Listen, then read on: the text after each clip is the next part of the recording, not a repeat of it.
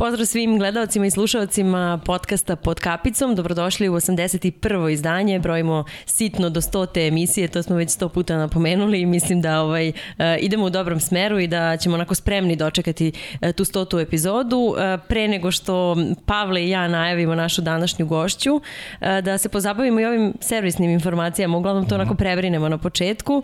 Prvo Pavle, čao. Naše gosti ćemo čao, Alex, se kasnije čao. obratiti. Dobrodošla. E, hvala. Ja pozdravimo Saru danas je tako sprečena. Je, tako je je mogla da menja smenu na poslu, tako da, da, da. uva poslodavci, budite sledeći put ovaj, malo fleksibilniji. Jeste, pustite nas da radimo ove kreativne da. stvari malo, ali Sara je svakako učestvovala u pripremi ovog podcasta kao i svi mi. E, da, na početku ja bih volila najviše da se pohvalimo onom jednom našom novinom, rekla bih, u, u mhm. radu. Mm -hmm. um, naime, uh, za sada samo emisija sa Danilom Ikudinovićem je prevedena na engleski, tako da svi oni uh, koji žele da nas prate van, ajde da kažemo, ovog našeg regiona, e, mogu sada da pogledaju eto i tu emisiju sa prevodom, e, dakle titlovanu na, na engleski jezik i bit će toga još, to je ono što je, što je najvažnije. Pa ne znam, ko će, možemo i da najavimo ko će biti sledeći, jel?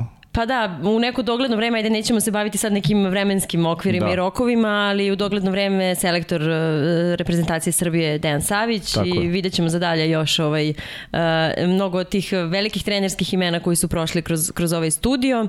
To nam je onako, uh, moramo kažem, evo i jedan igrač koji je bio kod tebe ovde u, u gostima sugerisao da bi bilo dobro i mi smo to usvojili, tako da radimo na tome, ali eto imajte malo strpljenja i naravno pišite nam kao što ste i do sada na, na Instagramu, uglavnom uh, onako najaktivnija publika naša, tako da pišite nam predloge da vidimo koga biste želeli da eto, možemo da pustimo na taj međunarodni nivo i da, da vidimo reakcije malo i, i van regiona i Balkana i u Evropi i u svetu, što da ne. Tako da eto, to je, to je ta jedna novina. Pavla sam nešto propustila, ne znam sad šta ne, bi još želeo da... Pratio sam te pažljivo da, i rekao Slušao si si na času, da, da dobro. Da, da. Ove, ovaj, ništa, pa ostaje nam da, da nekako probamo najbolje da najavimo našu današnju gošću. Uh, odlučili smo se da evo i uh, u ime Dana žena i 8. Tako marta je. se malo pozabavimo ženskim sportom i ženskim vaterpolom. Radimo to već nekoliko emisija nazad i sa, i sa gostima koji su drugog pola, tako da ovaj, stvarno mislim da, da onako postepeno ženski vaterpolo dobija prostor koji zaslužuje zaslužuje. Pa pazi, trudimo se i, i imaće ga uvek. Da. Nadam se da će biti više prilika kada pričamo o nekim sportskim rezultatima, uspesima, ali pokušavamo malo da, da, animiramo, da animiramo ljude da ulažu u ženski vaterpolo, jer da. zdrav sport, zdrave devojke i to je to. Tako je, i upravo su ti rezultati bili jedan od glavnih povoda što smo doveli upravo Tako nju.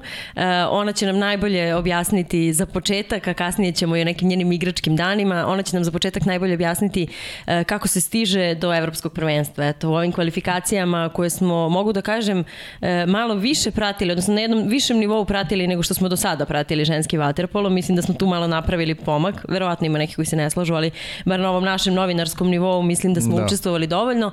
E, ovaj, naravno može to i bolje, ali svakako ćemo danas iz prve ruke čuti e, kako se stiže do evropskog prvenstva sa ženskom reprezentacijom e, Srbije i vidjet ćemo kako je raditi u ženskom vaterpolu kao trener, kako je igrati. E, čućemo i neke ajde sada ne otkrivam, ali ima, imamo posebna biće, pitanja biće za nju. Biće posebne da, biće... pitanja, zaista je ovako gošća koja izazvala pažnju, a ja ono što hoću da naglasim takođe iz razgovora sa devojkama koji su aktivne igračice kažu dolaziti u gosti jedno od najboljih koji igrala vaterpolo na, na ovim prostorima, tako da eto, jest, i, i, jest. i, i na taj način su je predstavili, I pa, ovaj, da. pa je onako dodatni, i na nama je dodatni pritisak da, da, ovaj, da ovu emisiju uradimo kako treba. Jeste, bit će ovo njena, ne naša emisija. Samo njena. Tako je i moramo još da izaknemo pre nego što počnemo razgovor sa njom, mislim da smo na najlakši mogući način dobili video pitanja ovog puta i da ih je bilo najviše, definitivno. Tako i ovog puta moramo se zahvalimo našoj stalnoj neću, neću reći ni saradnici, nego nego novinarki, devojka koja se Jeste, ona je bavi, našeg tima, koja, da. koja nigde ne radi zvanično, ali ima, ima ovaj ponašanja i, i pristup poslu kao da je najozbiljniji novinar. Jeste, I, to je Aleksandra Milošević i pozdravljamo je ovom prilikom. Stvarno, mislim da nekada bez nje ne bismo uspeli na nekom ozbiljnijem nivou da spremimo, bukvalno, bukvalno. da spremimo razgovor sa nekim. No da se vratimo, dakle naša e, današnja gosta je Ivana Ćorović. Ivana, dobrodošla. Srećan ti dan žena i ajde svaki drugi dan. Možda ćemo posvetiti sada ženskom ženskom vaterpolu i, i ovim temama koje se tiču uh, ženskog sporta generalno. Dobro nam došla. Evo za početak, kako se osjećaš Hvala, u našem studiju? Hvala, Ja, baš je divno.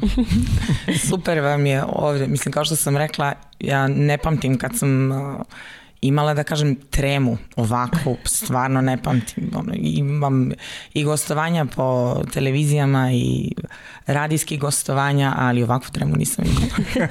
Pogotovo uz ovu najavu. Dobro, pustit ćemo se vremenom. Da, pa malo smo... to, to, to su reči tvojih ovaj, koleginica, što bivši, što sadašnji, tako da onako lepo zvuči. Pa nije valjda teže doći ovde nego se plasirati na evropsku. pa malo i teže, barem meni. Dobro, pa hajde da vidimo taj put ka, ka evropskom prvenstvu.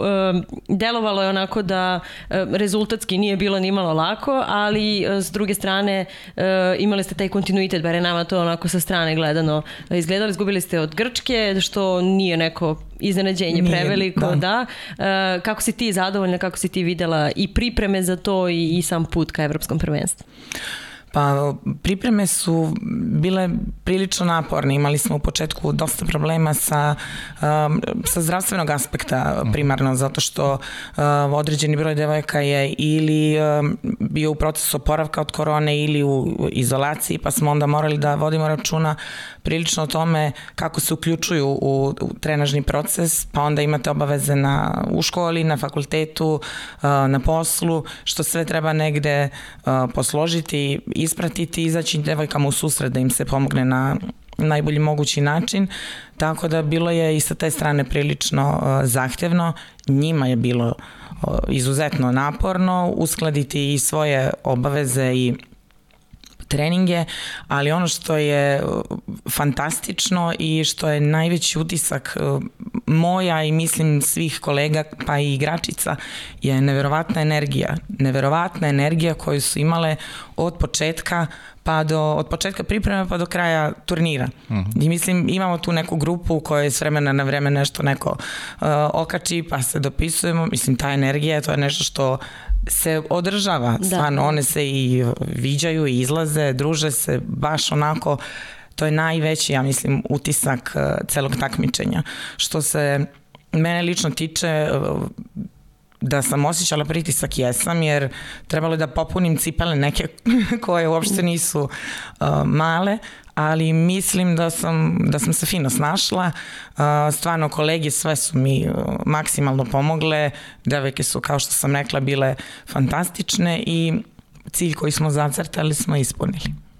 Da, spomenula si to, je to, uskočila si, da kažem tako, već tuđe cipele, onako su očekivanja već bila na jednom nivou. Koliko je tebi lično bilo teško da eto, ostvariš i svoje lične ciljeve koji su se, verujem, poklapali sa, sa, svi, sa ciljevima i cele ekipe i svih ljudi oko, oko ekipe.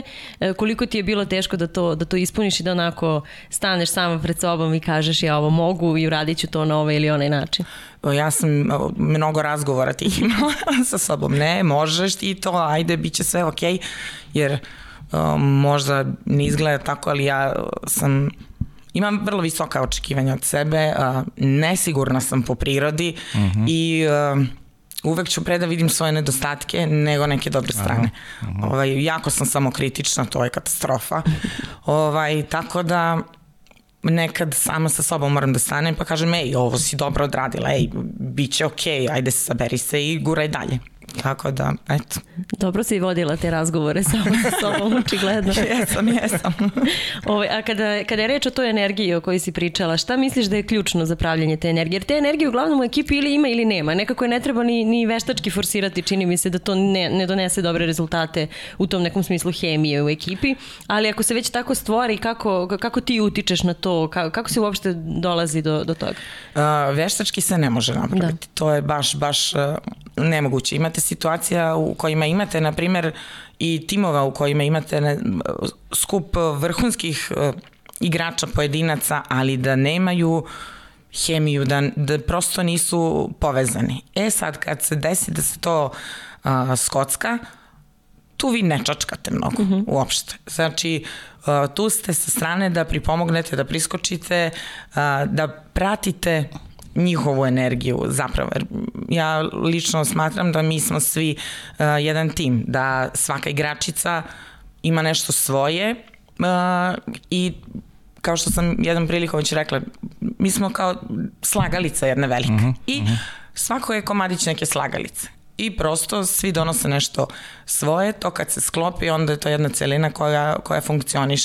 One ako su nama se često desi i u klubu i eto, bilo je sada i u reprezentaciji da one imaju neke svoje razgovore, svoje sastanke, svoje neke pričice tu prosto vi prođete dobar dan, dobar dan, doviđenja, doviđenja, ne čačkate, ne dirate ih i prosto pustite da one se same povezuju, upoznaju mhm. -huh. i tu energiju prosto održavaju i podižu. Uh mhm.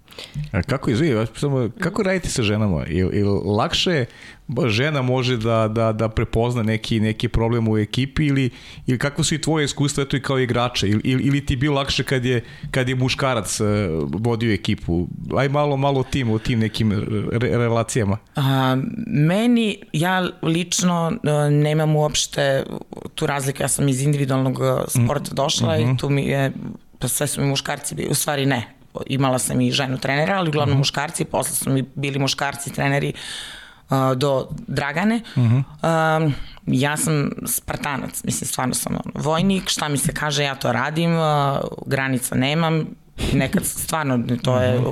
ide, graniči se, ja mislim, sa nekim ludilom. Um, koliko god nekad devojkama, devojčicama dajem primer, ja sam to tako, onda stvarno i kažem neke stvari nije trebalo tako, neke stvari su bile previše. Uh, sa ženama definitivno mislim da je teže raditi. Teže je raditi uh, mislim i, i ući im u, u, u glavu, u mm -hmm. njihove promjene raspoloženja, njihove naše, mm, da. kojih stvarno uh, ima. Ja sam neko ko vrlo je... Uh, stava da psihologija je dosta, dosta bitna mm -hmm. i mhm. pošto radim i sa najmlađima, od tog najmlađeg uzrasta se trudim nekako da stvorim poverenje, da se osjećaju sigurno, da mogu da dođu da mi kažu šta god, mislim pa slušam od školskih ljubavnih problema, mm -hmm. od toga šta su jele ili nisu jele, prosto meni je svaki njihov problem uh, vrlo važan, to mi nekad bude jako teško posle kad dođem kući, ali o, o tom potom. Uh mhm. -huh. ovaj, teže je, teže je definitivno raditi sa ženama, stvarno. Uh mhm. -huh. Jesu li uh, osetljivije? Jesu, jesu, osetljivije jesu. Um, mislim da nekada su um, što se rada tiče dosta i zahvalnije mm -hmm. Za, za rad, za, za pažnju koju im posvetite. Mm -hmm. Ne treba ih opominjati više puta, to je mislila. Da. ne, ne treba, da, nekada, sad i to je vrlo diskutabilno da. kako koje priči, nekojim možete da kažete na vrlo oštar način uh, da se izgalamite, na drugu ako se izgalamite ona će da počne da plače mm -hmm. ili će da se okrene da ode kući, znači o tim stvarima vrlo voditi uh, treba računa, a mislim da toga kod muškaraca baš i nema. Mm. E, ali ima drugi pogled, Ivana, sedeo je tu na tvom mestu Dejan Jović, on je recimo rekao da da je sa ženama lakše raditi u smislu kad im kažeš nešto uradi tako i tako brže kapiraju i tako će da urade a da je imao mnogo više problema u tom pogledu sa muškarcima nego, nego što ima u tom periodu kad je radio sa ženama. Ja moram, moram samo da kažem da možemo malo da promešamo struke, to kažu i košarkaški treneri koji su radili u ženskoj i muškoj košarci, da sa ženama uglavnom ne doživljavaju odgovore na nešto.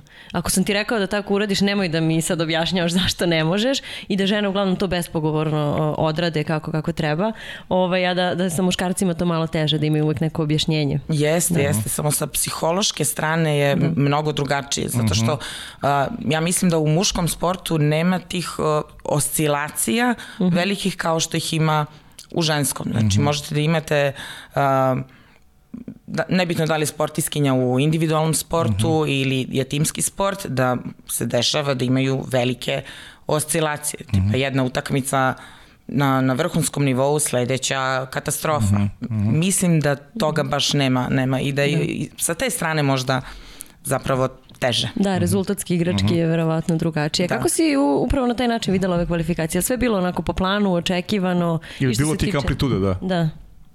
Uh, jeste, dešavale su se u, u toku igre, međutim uh, sve je nekako odrađeno i na kraju bilo onako kako smo, kako smo zamislili. Videli smo u toku ovih utakmica da prosto imamo, imamo padova u mm -hmm. igri, segmente koje treba da popravljamo, tako da imamo na čemu da radimo do evropskog prvenstva. A gde smo otprilike?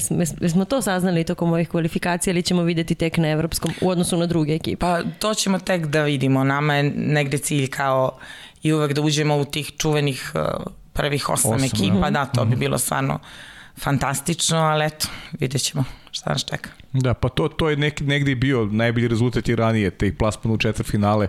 Je to, to, to neki trenutni domet, neki realniji, da kažem, dometi i kako ti gledaš kao, kao sad neko koji je u struci, e, šta treba da se uredi da bi se možda pomerila ta granica očekivanja kada je ženski vaterpol u pitanju?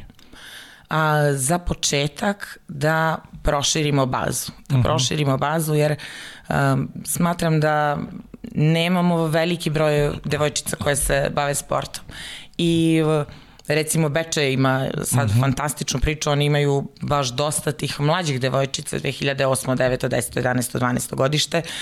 Uh, u Kragujevcu isto ima par devojčica, tako po tim manjim gradovima, da ne bude sve Beograd, da ne bude sve Novi Sad, nego prosto po celoj zemlji da da se raširi ženski vaterpolo. Uh, bilo bi super eto kad bi mogli u tim mlađim uzrastima kao što je slučaj u Holandiji i Mađarskoj da treniraju sa dečacima pošto mhm. nemamo kao što rekoh, veliki broj devojčica, ne mogu, na primjer, klubovi da naprave ekipu koja bi mogla da mhm. se takmiči u tom nekom svom uzrastu, pa onda imamo, na primjer, iz Obrenovca jednu devojčicu koja je sada kod nas, ona je mhm. tamo počela, trenirala sa dečacima, sada trenira kod nas. Uh -huh. I evo još jedna njena drugarica nam se skoro priključila.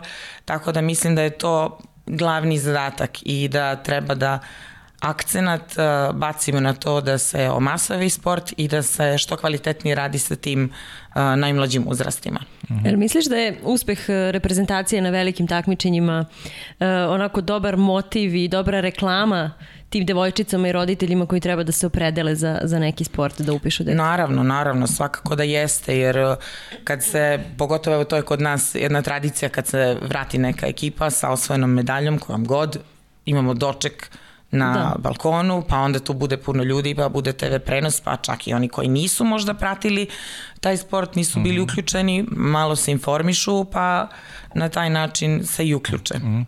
A zašto misliš da, da, da je ovde slabiji odziv devojčica kada svi ove ostale vatripolo sile uh, sile su i u ženskom vaterpolu, mislim na Italiju, Španiju, Mađarsku, uh, mnogo devojčica koje, koje treniraju i taj sport, zbog čega to nije slučaj ovde ili da li u pitanju infrastruktura samo ili, ili, ili ima i nekih drugih momenta? Kako ti gledaš na, na, na, na taj problem?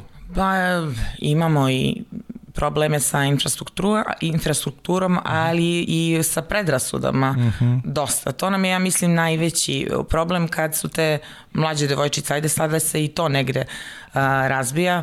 Mi smo imali, evo, baš slučaj sa devojčicom koja je kod nas počela da trenira vaterpolo iz škole plivanja. Znači došla je u školicu plivanja, nju se to dopalo i tati je rekla ja hoću da nastavim, hoću da nastavim, a dok je ona učila da pliva, pored su ove naše uh, vaterpolistkinje imale trening i njoj se i to dopalo i devojčica je tako krenula na, na vaterpolo i još je rekla tati hoće da igra vaterpolo, on u početku nije bio nešto baš mm -hmm. oduševljen jer prosto nije se čovek sreo nikada do tada mm -hmm. sa mhm. ženskim vaterpolom, međutim ona je navalila pa navalila i sada imamo njih e, tog uzrasta 13-14 godište nekoliko koje se uh, druže se i ovako, znači mimo, mimo treninga, tu su se upoznale, uh, oduševljene su svaki put kad dođeš na bazen, uh, prvo pitanje je li danas igramo i tako da kad krenemo da razbijamo te predrasude, mhm. kad oni shvate da prosto devojčica neće biti muško-banjasta, neće mm -hmm. izgubiti na ženstvenosti zato što trenira vaterpolo, onda se potpuno menja pogled na, na sport. To je zaista meni to neverovatno jer ono kad mogu pogledati utakmice, lepe devojke, zgodne devojke, lep sport, mislim da potpuno su te predrasude ovako Uh, nisu primirene prosto, prosto tvom sportu. Eto, ja pričamo sada, pričamo o tebi i ja se nadam da će se i to promeniti. Pa neka ova emisija bude ovaj, putokaz ka tome da, da eto, postane masovniji kada govorimo o, o, o devojčicama da i njihovom, njihovom prihvatanju vaterpola kao, kao nečeg čime bi se bavili. To je negde i zbog toga što uh, kod nas nema toliko, nemaju ljudi dodira sa, sa ženskim vaterpolom, osim kad su neka ovakva takmičenja koje se održavaju u našoj zemlji ili ako ne poznaju neku vaterpoliskinju, pa dođu da, da gledaju, pa povedu druga drugaricu, pa na taj način se upoznaju. Nemaju, nas nema na, na televiziji, ne da. prenose se utakmice po novinama, sportskim nas ima, ali prosto e, nismo dovoljno u medijima da bi se ljudi malo više upoznali. Tako da je mhm. ovo jedan eto, fantastičan način da to da, menjamo. Da, šira publika Područ. zaista nije, ni, nema gde da vidi jeste, ovaj, jeste, to je zapravo... jedan članak o, o ženskom vaterpolu, ali dobro, verujemo da će se to promeniti. Um, kada si govorila o, o tim svim, um, tom putu ka evropskom prvenstvu, o radu, o tome kako se devojke ponašaju i snalaze, uh, kako je sad iz ugla trenera kada je reč o uslovima? Dakle, jesu li uslovi ono jednako dobri kao, kao i za muškarce kada se pripremaju za velika takmičenja?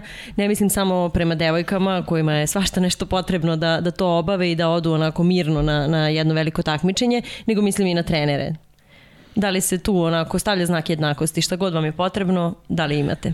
Pa imamo stvarno. Savez se maksimalno trudi da nam, da nam izađe u susret za, za sve što nam je potrebno. Baš, baš imamo maksimalnu podršku Saveza i evo ovim putem bih htela i da se, da se zahvalim na, na tome.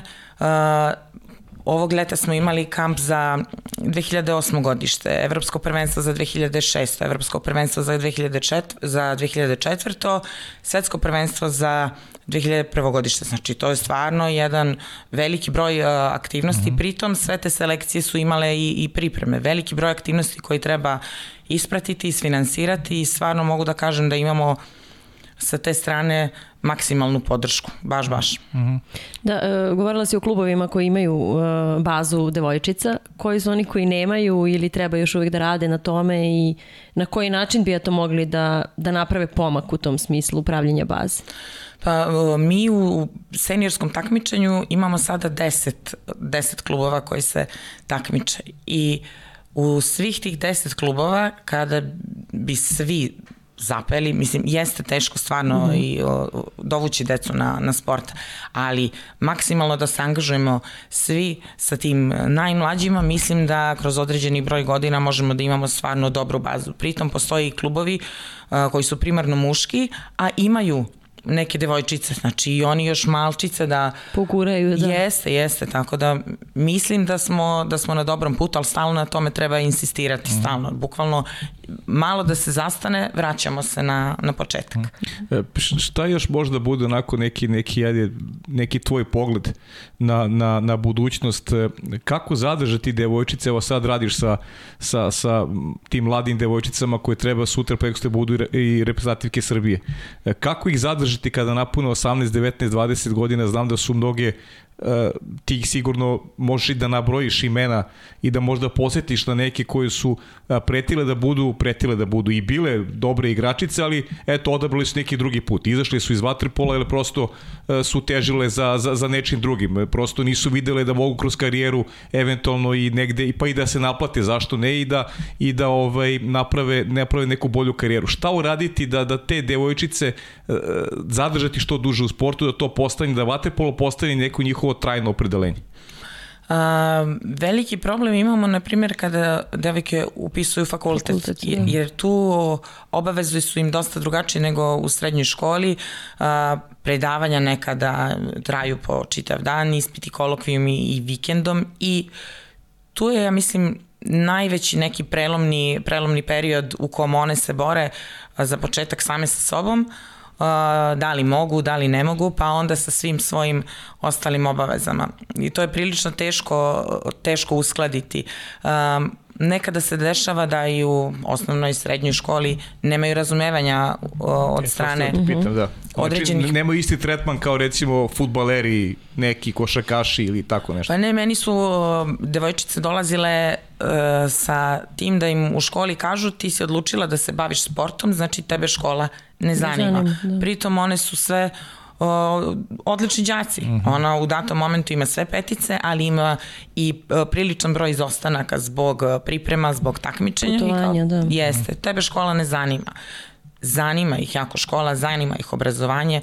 O, vrlo je važno zato što sutra će od te škole i da žive na kraju krajeva. Mm -hmm a, i prosto to nam je jedna problematika. Nešto što je još važno, moramo da se potrudimo svi zajedno da a, im se obezbede i neka finansijska nadoknada, zato što a, odricanja koja imaju su stvarno velika i one se a, bave ovim sportom kao profesionalci a nisu tretirane tako, mhm. -huh. nisu tretirane. Mislim, mi se stvarno trudimo kad god možemo ili koliko god možemo da prosto im obezbedimo i uh, taj vid podrške, samo to bi trebalo da nekako se reši da bude kontinuirano, da prosto one kad dođu i kad već se toliko žrtvuju svog slobodnog vremena, nekada i zdravlja, da prosto znaju i sa te strane zbog čega to radi. Pa zar nisu i to predrasude?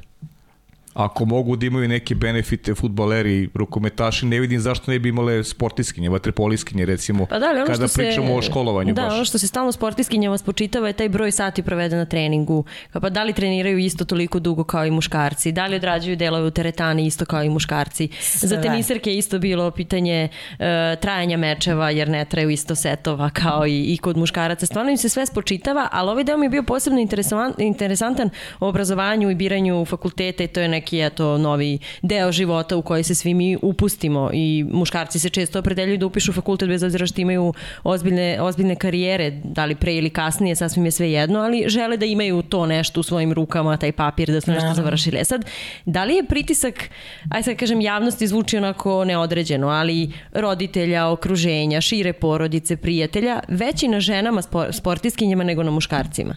U smislu, uh, budu često ti komentari. Mora da završiš fakultet. Bolje je da imaš nešto u rukama, povredit ćeš se, odustaćeš, nisi, nisi toliko dobra u tome, bolje je da imaš, ono, završi nešto pa ćemo onda videti. Mislim da je to češći komentar za žene nego za muškarce. Uh, jeste, jeste, ima, ima i toga. O, ali ja mislim da je to negde zato što generalno ljudi smatraju da muškarci snaći će se, šta da, god da je snaći yes. će se, a žena baš žena baš i neće.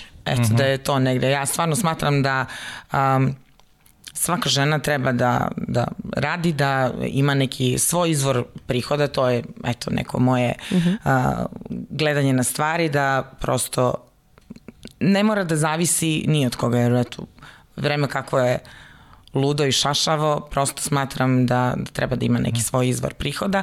Imamo problema što tako, eto, im, pusti sport, šta će ti? Meni se dešavalo da, me, da mi kažu u 22. godini, 22. godini i to ne uh, roditelji, uh, porodica, prijatelji, uh mhm. -huh. nego neki drugari, šta će ti vaterpolo, šta se ti zamlačiš s tim, si ti blesava. Da, da. I molim, rekao, ajmo kao da... Vrlo je onako e, isključujuće, kao da ne može jedno i drugo. Da, da, i to je bilo zbog servira, toga da. što da. sam rekla da ne mogu da, da odem na žurku.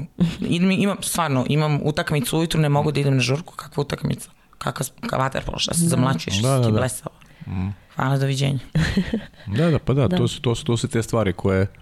Ali sa tim se svim treba, treba neko izboriti i to je najbolje je kad, kad čovjek može da, da ne, ne čuje sa strane, već da poštuje sebi neke svoje prohteve i da, da veruje u ono što radi. A to je neka teško u, u, u okruženju u kome se nalazimo i sa svim tim e, pričama koji snavela. I tu negde i leži problem e, kada generalno govorimo ne samo o ženskom vatripu, nego i ženskom sportu. To, to nedovoljno razumevanje za, za, za, za sam sport. Jeste, ali evo kad pogledate, mi je u klubu imamo devojku koja je uh, građevinski fakultet kad je upisala bila prva na listi. Znači, uh mhm. -huh. ima, daje sve ispite u roku i to ima sve visoke ocene. Znači, i to i nije jedina koja uspešno završava i, i fakultet i usklađuje sport. Uh, na uštrb verovatno nekog slobodnog vremena, mm -hmm. provođenja vremena sa društvom, ali nije da je nemoguće i ne mora da znači to što se one bave sportom da neće završiti fakultet, da će biti neobrazovane, da neće znati ništa drugo u životu. Ne, može sve da se uskladi.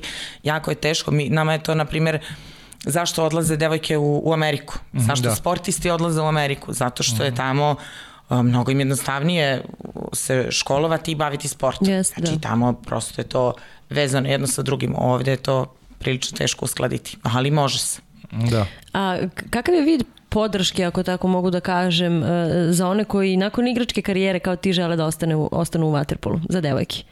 Dakle, ako neko želi da se bavi trenerskim delom posla, nekim menadžmentom u sportu. Ja, mi, mi, bi, mi stvarno jedva čekamo. Da se, najozbiljnije, zato što smatram da um, ne može ovaj sport neko više da voli od nas koji smo iz njega da. potekli ili izašli. I prosto tu energiju ljubav uh, ne može da da neko ko se time nije bavio. I mislim da je i velika šteta što više devojaka nije uh. -huh. uključeno, ali uh -huh. eto, stalno se nadamo, mislim, kako vreme prolazi, uključuju se, tako da mislim da je to fantastična jedna stvar i bukvalno jedva čekamo svaku koja, koja kaže, e, ja hoću, ajde, upadaj. Pa da, ali to da. sistem mora da je da omogući tim devojkama ko hoće da se bave tim i profesionalno, da na krajnjem slučaju i zarade i da mogu da prenesu znanje koje imaju, energiju ljubav prema, prema sportu, jer priznaćeš sa 35-40 godina teško je raditi, volontirati. Mora, naravno, mora neče, naravno. Mora nečeg ideš da se živi. Jest, jest, svakako.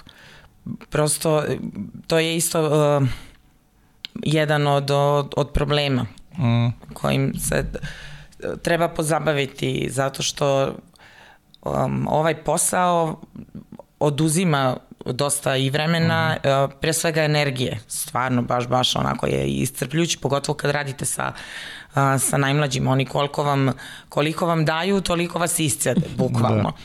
da. O, I trebalo bi da svakako se bavi trenerskim poslom, pogotovo u tim uh, najmlađim sa, tom, sa tim najmlađim uzrastima da bude i adekvatno uh, plaćen za to. Mm. Koliko ili provodiš vremena dnevno na bazenu? Ajde sad, kad pričamo o trenzima, koliko si na bazenu i sa, sa eto, koliko ti oduzme, ajde da kažem, vremena uh, jedan dan? A, bazen kao bazen, Pa, evo, ovih dana malo manje, pošto Dobro. idem jednom dnevno. uh -huh. sam zaslužila malo da se Ma, odmorim. Dobro. Jeste, tako su mi kolege rekle. Inače sam dva puta dnevno na bazenu po znači dva sata ujutru, dva sata pod podne, to bude, samo trening toliko traje. Uh -huh, znači uh -huh. to bude i više, zato što uvek imate nešto tu s nekim da porazgovarate, neko nešto da vas pita, tako da je eto jedno pet sati na bazenu, mimo ovih drugih stvari administrativnih koje uh -huh. obavljam. Pa tu dodajte i e, pripremu za trening, pripreme za utakmice, uh -huh. mislim to je stvarno posao koji zahteva da mu se posvetite. Da, puno radno vreme. Uh, Pavlo, hoćemo neko video pitanje sada? E, hoćemo, ajde, da, ajde, hajde može, da, da malo ajmo. presečemo ovu priču o reprezentaciji. Ajde, ima ih, najavili smo. Moje pitanje je koliko kupaćih kostima nosi u rancu pre, pred utakmicu kada je trener? A mene zanima ko je gospođa Mara Toplaža? A ja imam dva pitanja. Prvo pitanje je šta nosiš u svom vaterpolo rancu i drugo pitanje je koga na vaterpolo zoveš sektom? I šta znači cirkuslatus?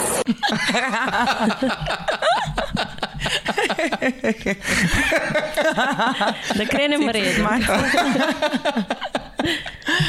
ja, šta, šta je bilo, koliko, koliko kupaćih? kupaćih, da. Mm -hmm. Pa, 3-4. 3-4 kupaća kostima uvek imam u rancu za svaki slučaj, ako neko zaboravi, ako neko pukne, da. mislim, nema čega nema u tom rancu. Da, to me, šta je pitala Iva? Iva me pitala. Mm, drugo, da, pitanje. Drugo pitanje. Može, pustiti vam. Moje pitanje za Ivanu je koliko kupaćih kostima nosi u rancu pre, pred utakmicu kada je trener? A mene zanima ko je gospođa Mara Soplaža? A ja imam dva pitanja. Zato što kad dođete na plažu, leti pogotovo onako ujutru, ima stvarno ti gospođa koje uđu u more sa punđom i onda plivaju sa glavom visoko podignutom, ramena da iznad vode, tako da se ta punđa ne pokvasi, odu isplivaju svoje, izađu napolje i ja onda njima svaki put tako kažem kad mi uđu u bazen i počnu ovako da časkaju i plivaju, gospođa Mara s plaže, molim vas, uozbiljite se malo. A, Vanja me pitala, da, šta nosim u rancu? Pa mislim da nema šta nema. To, torba mi je puna svega i svačega. Uh, rezervne kapice, uh, naočare trenutno nemam zato što sam dala dva para pa su mi ih izgubile. Uh, kupaći kostimi, papuče, sveske, tabla, markeri, hemijske, um, oprema za manikir, ma nema čega ne, stvarno. Dobro, mislim da je Vanja imala dva pitanja. Imala je, da, koga zovem sekta, sekta su golmani oni. A, pa Vanja na svoju vodenicu ide, da. Tako je, sekta su golmani, njih zovem sekta ili sektaši. Oni su stvarno, mislim da su posebna jedna vrsta u svakom sportu, nije bitno da li je vaterpol ili neki drugi sport, specifični su i meni su oni, eto, sekta, tako ih zovem. e, samo da kažemo za, za širu publiku, Hristina Ilić, Iva Lujić i Vanja, Vanja Lazić. Lazić, mm -hmm. jeste. E, Hristina je, na primjer, ona je na, na građevini. Ona na građevini? Ona je, da, nju sam, o njoj sam pričala malo pre. Aha, sjajno. Da, hvala devojka. Držimo stvarno, fige, da. Hristina, da završiš građevinu. hoće, hoće. Hvala im puno, baš su ovaj, bile i opušteni, bile su baš raspoložene da, da bile, da snime da. sve ovo. Da, da, i Mico Smacos je bilo. da, i mi, da, da. da, da. Šta je to? da, ima uh, neki crtani film sa nekom mačkom Aha. I najava, najava ne, ide pesmica i ta mačka peva ja sam Ica Maca i ja sam to slušala, odnosno gledala kad su mi sestričine bile kod mene i ušla mi u glavu ta pjesma i dođem na bazen i idem tako po bazenu, pevam. I tako da su one ostale Mica Mace, Mica Smacos i tako. E, kad se već spomenula sestrčine, ovaj, jedna od njih je, bi mogla da bude tvoja naslednica, ako se ne varam. Jest. Je li tako? Jest. Da, hoćemo da je predstavimo, da kažemo koja i, i gde trenira trenutno. Uh, zovu se uh, Vjera i Bjanka. Uh, Vjera trenira vaterpolo, Bjanka trenira plivanje, u Jadranu su, Jadranu. su žive u Herceg Novom, mm u Jadranu ovaj, treniraju jedna i druga, Vjera trenira sa dečacima, pošto je jedina devojčica koja se uh, bavi vaterpolom, ona je trenirala plivanje isto i onda je navalila, oće vaterpolo, oće vaterpolo, sestra me zove jedan dan i kaže, buba, ona oće pa oće, ja sam je odvela kod Duleta, rekla vidi može li nešto, ona hoće, njoj se dopalo i eto ostale. ostale. Da, da. Ove, ovaj, jel e, tetka održi neki trening kada, kada se vidite ili ne? Kako to izgleda? da, da, voli, voli ona uh mhm. -huh. sa mnom. On, još pre nego što je počela da trenira, uh -huh. uh, znala ja kad odem uh, u Herceg Novi, dođemo na bazen i ona ja, ja ću s tobom. Ja neću da plivam, ja ću s tobom. I ja kažem, ne možeš, moraš da odradiš svoj trening. Ne, ja ću s tobom i s tobom. I ja pitam sestru, jel može ona sa mnom, važi? Ja kažem, dobro, šta treba da otpliva, da ubacim to nekako, da ona ipak odradi ono što bi trebala, pa posle mi da uzmemo loptu, ona mi kaže, ja je pošaljem ovaj, po jednu veliku, jednu malu loptu, ona to donese i stavimo ih na ivicu. Krenemo da radimo te stvari koje bi trebala da odradi, pa ja ubacim neku vežbu sa vaterpola i znam da mi se desilo jednog dana da ona rekla a, izvini Kić, hoćemo li mi uzimati ove lopte ili sam ja, ja tu stavila samo da je gledam. Dobro, uzet ćemo loptu i naredne godine ja mislim da ona baš počela da trenira vaterpolo. Sjajno. Pa dobro, lepa priča, da. Hoćemo yes. sad još neko pitanje ili, ili da pređemo na neki drugi deo razgovora ili puštamo još koje? Pa možeš jedno pitanje. Ajde, ajde, imamo ih dosta pa zato i žurimo. može, može.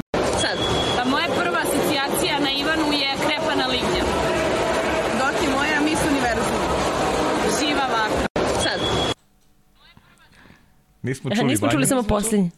Uh, I hoćemo da kažemo šta je rekla, da. živa vatra. To su bile, uh, bilo je pitanje, to nam je Aleksandra ovaj, uh, pripremila, da. uh, prva asocijacija na tebe.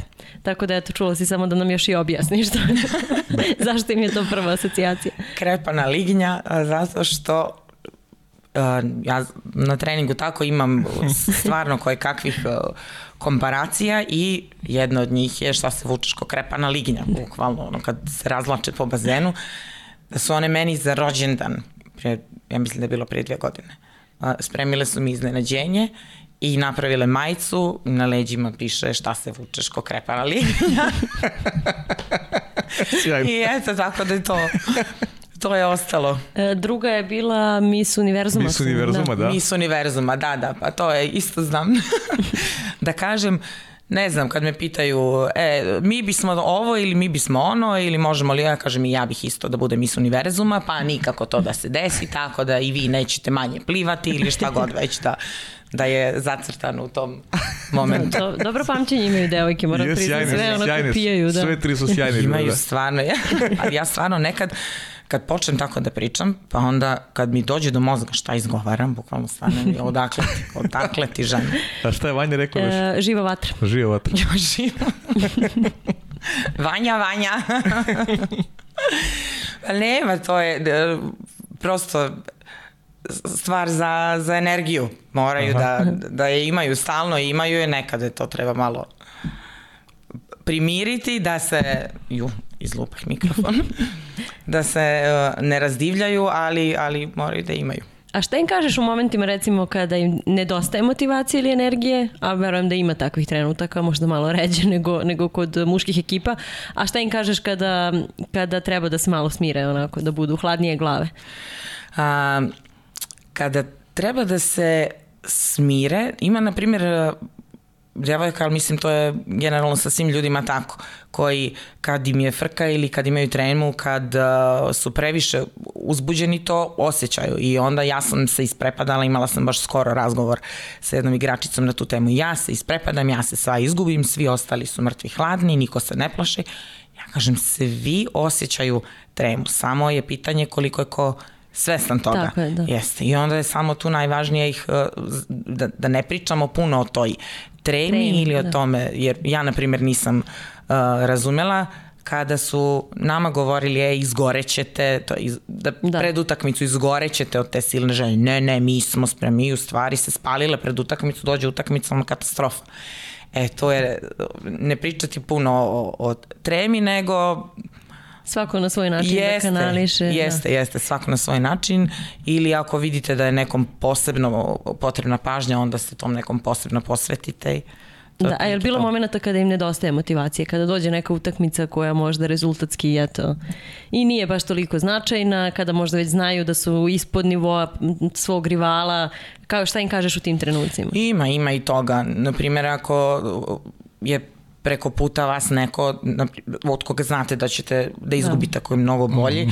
i onda ajde da pokažemo ono što možemo. Znači, ajde da izgubimo sa što manjom razlikom, ajde da napravimo što manje grešaka, ajde da ne napravimo od sebe klovnove ili neke tu koje su došle da se praćakaju, ne bave se sportom, nego da pokažemo da mi ipak znamo nešto da možemo i da vi možete da igrate sa apsolutno svakim. Mi stvarno možemo da igramo sa svakim, samo je pitanje glave. E isto, a kad dođu da igraju protiv nekog ko je dosta slabiji, ajde da se ne izblamiramo, jer tu se onda desi i ovako, ovo ćemo lagano i onda tu bude poteza, mm -hmm. glava da vas zaboli bukvalno. Mm -hmm, mm -hmm. Kako utiče na devojke kad, evo recimo protiv Grčke, Grčka je za trenutno ozbiljna ekipa, a će ta razlika da se smanji, pa da će jednog, dana biti u korist, u korist Srbije. Kako, kako tu motivišeš e, devojke kako se one osjećaju posle, znaju napred da će, da, da, da će izgubiti tu utakmicu, e, šta, šta im tada govoriš? E, da li pokušavaš da izvučeš maksimum iz njih pa da vide gde se nalaze u odnosu na, na, na reprezentaciju Grčke ili si se više usmerila na utakmicu koja sledi pošto znaš da, da te sledeće treba da pobediš? Konkretno mislim na kvalifikacije za, za evropsko prvenstvo. A, nama je ta prva utakmica, to su posle i roditelji pričali, uh, bilo bi im lakše da nisu gledali početak, pošto je, uh mhm. -huh. bile su neizvesne uh, prve četvrtine, mislim, i oni su malo, mi, prosto su promenili uh, način igre, mi se nismo prilagodili, ekipa je definitivno bolja bolja je od nas, ali ono što je najvažnije u tim utakmicama je da uh, iz bazena izađu zadovoljne. Znači da prosto znamo da smo um, dali sve od sebe da se odbranimo, da smo dali sve od sebe da, da damo gol, da prosto ne damo na sebe, ok, bolji ste od nas, ali nećete nas preplivati, nećete nas pretući, nećete da. um, napuniti našu mrežu, nego prosto da kad izađemo iz bazena da budemo zadovoljni bez obzira na to kakav je rezultat. Mhm. Uh -huh. E sad, e, pričali smo dosta o ovim ciljevima na, na planu reprezentacije. E, koliko se oni razlikuju od e, tvojih ličnih ciljeva i ciljeva kluba u kome radiš? Rekla si da radiš i sa najmlađima i da je to onako možda malo isto specifično. Ovaj, pa eto, kakvi su i planovi i ciljevi tamo? Kakav je uopšte rad na klubskoj sceni u Srbiji? Pa mislim da se i, tu stanje popravlja sa mm -hmm. eto većim brojem većim brojem klubova prosto da kao što sam rekla, svi da se maksimal, maksimalno angažujemo, bit će to dosta, uh, dosta bolje u budućnosti. Um, naporno je, naporno je i uh, raditi u klubovima, a bez tog kvalitetnog rada u klubovima nema sutra kvalitetne ni reprezentacije, mm. zato što vam se desi da dođete na pripreme, taj prvi trening prvi ciklus priprema da imate problem sa povredama, sa tim da devojke ne mogu da isprate treninge jer dođu, dođu nespremne, zato što, eto, prosto nisu radile, ja i kod sebe u klubu, kod nas u klubu isto mm -hmm. imam sa tim problema, da ne bude da je to samo po klubovima u kojima ne radimo. Ne, no. Da. toga ima svuda, da prosto ili smatraju nas je malo, meni je mesto zagarantovano, mm -hmm. proći ću zato mhm. što Ivana mi je trener ili ne znam nije šta. I nemam neku konkurenciju ili... Tako mm. je, mhm. tako je. Ja sam uh, baš letos imala situaciju pripreme za, uh, za Šibenik, 2004. Mm -hmm. godište. Mm -hmm. I u, u, u trenažnom procesu su i dve devojčice 2007 koje su već prošle pripreme za 2006. godište mm -hmm. i onda su se priključile nama. I ja njih obožavam, obožavam, stvarno oni su kod mene u klubu. I jedna od njih je krenula nešto da zabušava. I ja sam mi rekla, vidi, mogu da te volim koliko hoćeš, da si mi iz oka ispala. Ili ćeš da radiš ili nećeš da radiš. Ja nemam problem s tim da te sedam dana pred takmičenje pošaljem kući. Ko što nemam problem s tim. Zato što neću sutra neko da me pita, izvini, molim te, zašto je ova tu? Davila mm -hmm. se, valjala se, ne služi ničemu, a mm -hmm. i onda tako kad malo porazgovarate s njima, ovaj, one se trgnu. A to je problem sa o, malom bazom, jer da vi njih imate 50 na pripremama tog prvog dana, pa to je onda mnogo drugačija priča. Da, malo se ušuškaju u svoje već Jeste, tako su ušuškane i u, u, u klubovima, zato što eto, nema ih mnogo, znaju da će da igraju, a ovako kad bi se borile za mesto i u klubu i u reprezentaciji, e onda je to malo drugačija priča. Zato nam mhm. treba ta velika baza. Mm -hmm. A je, je, da li ti i tvoje kolege u drugim klubovima morate da budete onako entuzijaste da biste radili ovaj posao? Pa da, mm -hmm. da. Morate, morate. Prvo morate da imate uh, ljubavi puno za, za početak, mnogo strpljenja, um, da se bavite svakom igračicom posebno, jer kao što sam rekla, one nisu profesionalci, nego su tu stvarno iz ljubavi zato što vole taj sport i primarno je važno da se osjećaju prijatno i da im je tu lepo, da vole da dođu na, na bazen, da vole da dođu um, da provedu vreme sa vama, sa svojom ekipom, sa igračicama, to je ono što je što je primarno, jer ako to krene da se gubi, onda one i nemaju neku motivaciju da se, mm -hmm. da se tu zadrže, zato je to ovaj, prilično i, i važno. Teško i uključiti o, ljude u, u rad sa, sa ženskim selekcijama, jer eto, nema nas puno, nema njih mnogo, financije isto su mm. problematične. Koliko ima trenera koji se bavi ženskim vaterpolom ili možeš to da nam da nam otkriješ? Koliko je to baza ljudi koji rade i što sa prvim timovima, što sa mlađim selekcijama? Da, to sam htjela da pitam, ne mislimo samo ni na glavne trenere, nego da. da li su stručni štabovi popunjeni onako kako su popunjeni i kod muških timova?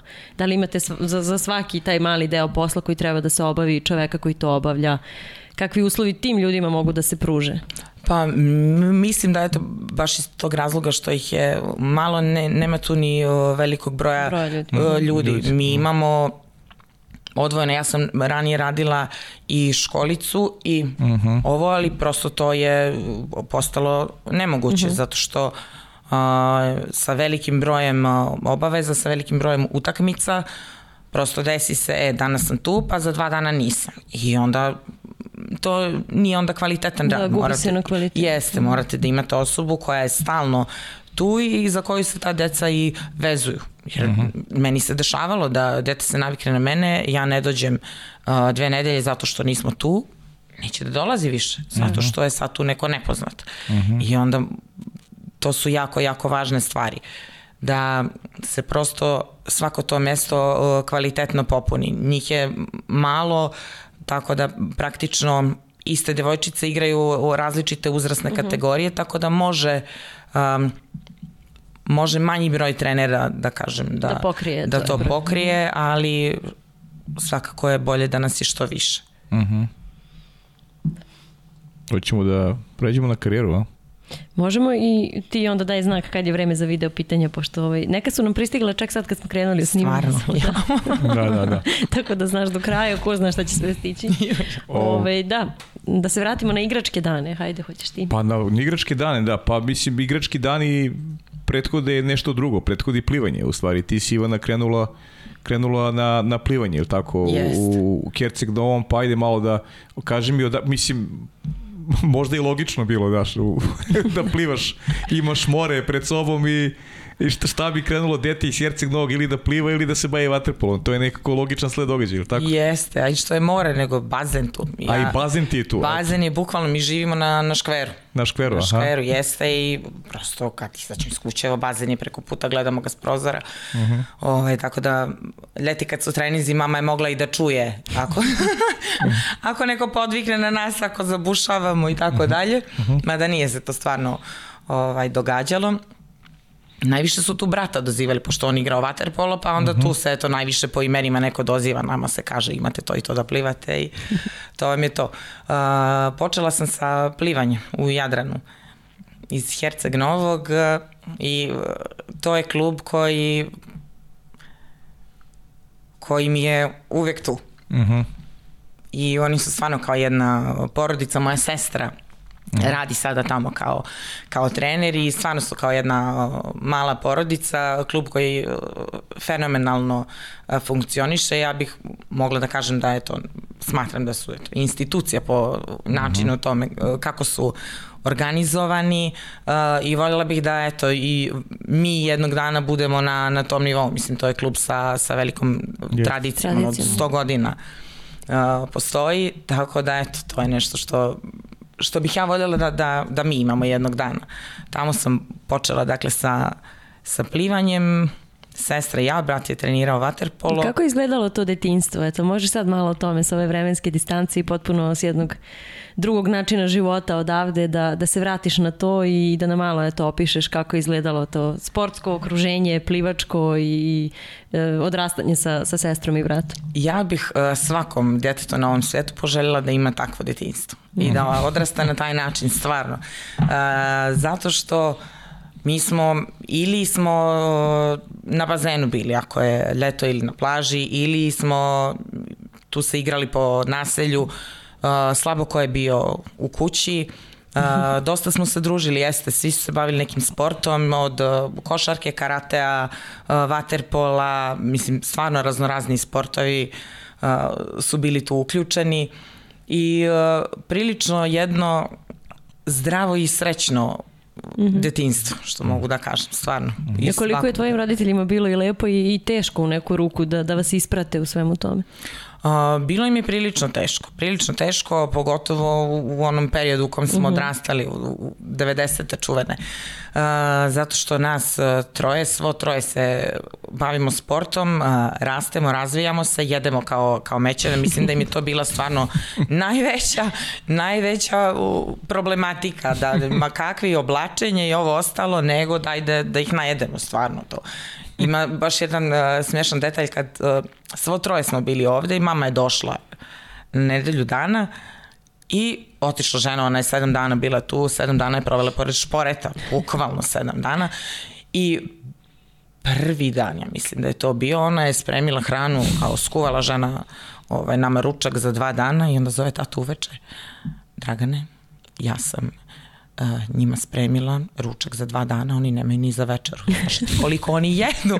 Ona žena zaboravila, jer je spremala jedno vreme samo za nju i tatu i onda kao evo ih ove bećave. Stvarno mislim da im je to bio najveći najveći problem i bilo je teško ispratiti i te um, naše uspone, padove, pogotovo ovaj, kad dođemo tužni, neraspoloženi kući, hajde kao smiri dete, uteši ga, a imaš i drugo, imaš i treće. Mislim, bilo je, bilo im je onako naporno dosta. A koliko ste tada bili uopšte svesni toga? Ili ste to malo tek kasnije shvatili da, da su oni prošli taj, taj jedan period sa vama na taj način? E, tek kasnije, da. tek kasnije. Na primjer, to sam se baš skoro setila, da sam jedno vreme iz ne znam kojih razloga mi je bilo jako važno da oni dođu na bazen. Znači, iz nepoznatih razloga. Pritom ljudi koji idu ujutro na posao, odu na posao, dođu kući s posla, mi ručamo i sad treba da idemo na bazen i ja navalim, aj, ajte s nama, ajte s nama. I oni kao, ja da dočekaju da mi odemo, da mogu da se odmore malo, jer treba opet da se vratimo, pa da se nahranimo i tako dalje ajde s nama, ajde s nama. I on, njih dvoje jadni ustanu i ajde, idu s nama, sede tamo dva sata ili sat i po koliko već nama traje trening, pa čekaju da se mi istuširamo, osušimo kose, ako ih osušimo je, što, da, da, to je bila najveća borba sa, sa mnom da, i sa sestrom, sušenje kose nikako. ovaj, I prosto, evo, meni sad nije jasno što sam ja to radila i zašto sam ja njih maltretirala, mislim, to je ozbiljno maltretiranje, aj kao, još s nama da sedite na bazenu, mislim, ludilo. da. Kako si bila sa košakom? To su, to su mi rekli da te pitam. Kakva sam bila? A reći ti posle ko? ja, um, Ja mislim da, ne mislim, to je činjenično stanje, ja sam od tih suvozemnih stvari potpuno operisana. Znači. Kopneni sportovi ništa. Ništa. Ništa, katastrofa, bukvalno katastrofa. A, neartikulisana sam, skroz sam neartikulisana i e, desi tako više se ne dešava, pošto više ne idem, ali kao ajde, ajmo na basket, ajmo na basket i ja kažem nemojte ljudi, mislim ne, ne znam, neartikulisana sam potpuno. Ne, ne, da igramo, da igramo i onda se desi da ja tu izlupam nekog, izudaram, oporim na patos. Mislim, ne zato što ja to tako hoću, nego prosto tako se desi ili se neko zatrči, ja stanem ovako, kopam se, taj neko padne i onda bude neprijatno. Mislim, jednom sam, ne znam, gagu sam jednom tresnula laktom u glavu, mislim, sačuvaj Bože, i onda bolje mi da ne igram nego da, da im se izvinjavam posle svima. Drž se ti vode, zato vode, da. vode se drži i kako si desio taj prelaz? Ili kao vjera od plivanja ajmo oće vaterpolo ili to neki sličan put, ovo ima vjera kao njena tetka ili Pa e, negde da, ja sam vaterpolo pratila kao mala, zato što je to brat mi mhm. trenirao vaterpolo, trenirala sam u klubu kom sam trenirala i mi smo svi i plivači i vaterpolisti zajedno išli da gledamo utakmice prvog tima, pa smo pratili utakmice koje uh, igra moj brat i te generacije koje su nama bliski po godinama, tako da bila sam na, na vaterpolu pa koliko i na plivanju, ako ne i više. Uh, u tim nekim pauzama između sezone mi smo znali da odemo na bazen da igramo vaterpolo. Meni se vaterpolo jako dopadao od uvek. I ima interesantna jedna priča, domar na bazenu, Ivo se zove, on je meni uvek govorio, nisu zate ovi zuberići, sve nas je zvao zuberići jer trener nam se prezivao zuber, za tebe je da ideš kod pera i da uzmeš loptu. Pero Porobić je tad bio jadan, da mhm. ideš kod pera i da uzmeš loptu. I oni to stalno pričaju, stalno, stalno, nije ovo za te, za tebe je lopta, nije ovo za te, ti treba da uzmeš loptu. Uh, međutim, kada je postojao ženski vaterpolo, to ja sam bila u nekoj reprezentaciji u, u, u plivanju. I onda prosto to mi je bio glavni fokus, ovo mi je bilo nešto, ajde, kad mogu da malo se mi poigramo, da se zabavimo. I kad sam se doselila u, u Beograd, zapravo tada sam ja počela da, da treniram vaterpolo. Jedno vreme sam uporedo išla i na plivanje vaterpolo jer nisam mogla plivanje da, da ostavim. Posle toliko godina baš mi je bio ovaj, težak taj, taj prelaz, ali onda eto, sam počela sa vaterpolom. Znači Domar Ivo je kriv za sve. Domar Ivo, da, tata kad mu je rekao, jer ovo ti trenira vaterpolo, on se oduševio čovjek. uh mhm. -huh. A tvoj dolazak u Beograd? Kako se desio, kada, zbog čega? Kad sam upisala fakultet, uh mhm. -huh. koja je to godina bilo više, 2000 prve recimo, 2000-te zapravo. I to tamo sam upoznala uh, koleginicu Snežana Sokolović, I ona mi je rekla, ona je uh, trenirala umetničko plivanje i, i vaterpolo.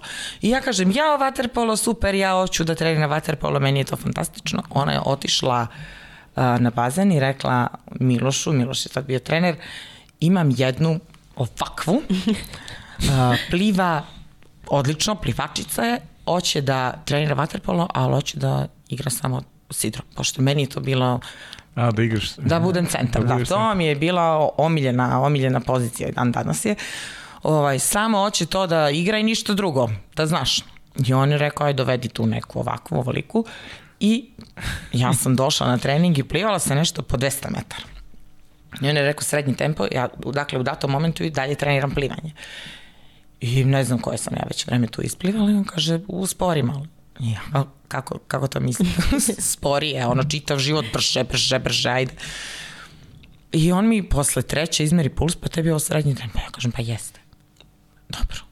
I ja sam, prvo što sam naučila sa loptom, to je da, da, da šutiram šraubu, pa onda sam učila pa da hvatam loptu, jer ja ne znam da li je on u momentu pomislio da ako ova hoće da bude centar, neka joj sam da ne ode, jer ne znam kako je ona njemu ispričala, kao hoće samo to i ništa više, drugo ne zanima. Eto, tako sam počela da, da treniram vaterpolo i mnogo mi se dopalo i eto, tu sam i dalje. Eto viš, a to plivanje, sad ću ti kažem nešto, ti podeli sa nama, ono što smo saznali, Aleksandar ja, da si na evropskom prvenstvu iznervirala Jennifer Parehu, koja je tada bila najbolji igračica Evrope, jer si uzimala loptu lagano na plivanju. Je to tačno? Pa, dešavalo se, jes. Nije, meni je, uh, uvek sam, to je, mi je ostalo iz tog Aha. plivačkog doba, kad su i plivački treninzi ovde, da ja nikad stvarno ne zabušavam, nego je to i, i u momentima kad sam uh, primećivala da možda postaje malo sporija, to mi je bilo kao ne, ne, ne. I na vaterpolu sam čak se ubrzala malo. Aha. Jer ja sam uh, se u plivanju takmičila na tim dužim distancama, 200, 400, 800, uh, kraus, 200 delfin i tako. I nisam plivala ove kraće staze, 50 i stotki. E, to se ovde ubrzalo kad sam da. došla. Ovde si morala plivaš klaće. Da, da, morala sam. E, još jedno od pitanja, ajde, da ćemo Aha. na kraju da, da prođemo kroz sva, nego da se nadovežemo samo. Je li istina da nisi propustila nijedan trening? Uh, jeste, propustila sam kad uh, sam bila u, u bolnici. Eto, znači, da. kad fizički Tad nisam... baš nisi mogla. Da, da. da. Bukvalno, trening je samo kad uh, prosto fizički nisam mogla ili eto, kad sam bolesna. Ne, i to propuštanje treninga je... Da, nikad nije bilo ono, ne mogu, mrzi me, ne znam. Ne. Izašla ne. sam pa ne znam. Ne, ne, ne, nikad, to. nikad. Uh, imala sam jedan period u kom uh, mi je bilo jako teško, uh, više sa te neke psihološke strane i uh -huh. tu mhm. sam se borila sama sa sobom da li da prestanem ili da nastavim uh mhm. -huh. da se bavim sportom. I u tom periodu ja sam dolazila na bazen, stavim naočare, uđem u vodu. Dva sata radim trening, dva sata plačem. Bukvalno dva sata plačem, jer sam znala ako neki od tih dana ne dođem, da će to biti to, da se neću vratiti. Jer Aha. imala sam eto, tu jednu krizu da, da kažem, a ovo izađem pa da ne dođem na trening, to, to se nije dešavalo nikada. Mi smo znali, kuma i ja, izađemo, i Gaga isto, i ja, izađem uveče do, ne znam, 4-5 ujutru trening, ujutru 7-8 sati, uredno, na trening se dolazi, prosto imaš svoje obaveze, sad šta ćeš ti da radiš i kakav da, ćeš... Da, između toga, da. Tako je, to je tvoje, ali ono što ti je obaveza moraš da, da ispoštuješ. Jel treniraš danas ili imaš vremena za to? Treniram, treniram, da, da, da. Uh, navikao mi je organizam mm -hmm. i ako se desi da u nekom periodu nemam vremena, prosto ko da nisam normalna, bukvalno. Mm -hmm. Či dobro da i mi... za druge da ti treniraš. Jeste. Čak za druge bolje nego za mene. Sjajno. Da, dobro je, dobro. Treba ostati u formi i mentalno i fizički svakako. Da. Jeste. Mm. Uh, hoćemo da, da završimo sa tom klubskom karijerom. Pa ne, o ne. Pa da se pređemo po, na, na, na pitanje. Pa ne, da. znaš kako hoćemo u smislu da prođemo, kada prođemo kroz karijeru. Uh, da, si... gledat ćemo i neke slike koje prate tvoju i karijeru i neke druge stvari o, van bazena. Da, da, zahvaljujući tebi, hvala ti puno na, na, na ovim fotografijama. Pa ajmo da krenemo Da, bio je po, Taš. Da, od da. Taša krenemo, šta najviše pamtiš iz Taša, uh, kakve uspomene nosiš, pa ćemo onda da prođemo kroz, kroz ostale klubove.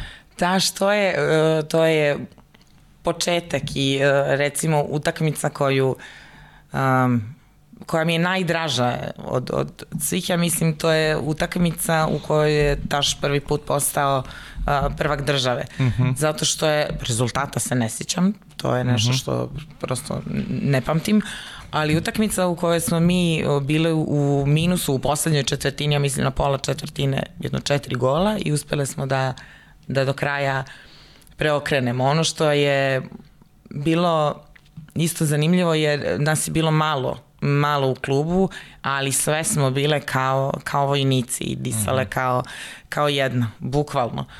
Svaki trening, svaka utakmica ginule jedna za drugu i to je nešto što o, volim kada vidim i kod uh, igračica sa, sa kojima radim, da mm -hmm. prosto ginu jedna za drugu, da su podrška jedna drugoj, da, da su prosto eto tim. Uh -huh. To je nešto. Zvezda? A, zvezda, da, posle Taša Zvezda ili je prvo bilo Galatasaray. Je pa, Galatasaray da. bio prvi? Galatasaray, Galatasaray pa, pa aha. Jeste. Kako je bilo u Turskoj? Bilo je super, to je stvarno jedno fantastično, fantastično iskustvo. Ja sam odigrala za Galatasaray prvenstvo uh, u ljetnjem periodu, pa smo posle nas uh, četiri odavde išle za njih da igramo da igramo Len, Len trofej, da. Aha.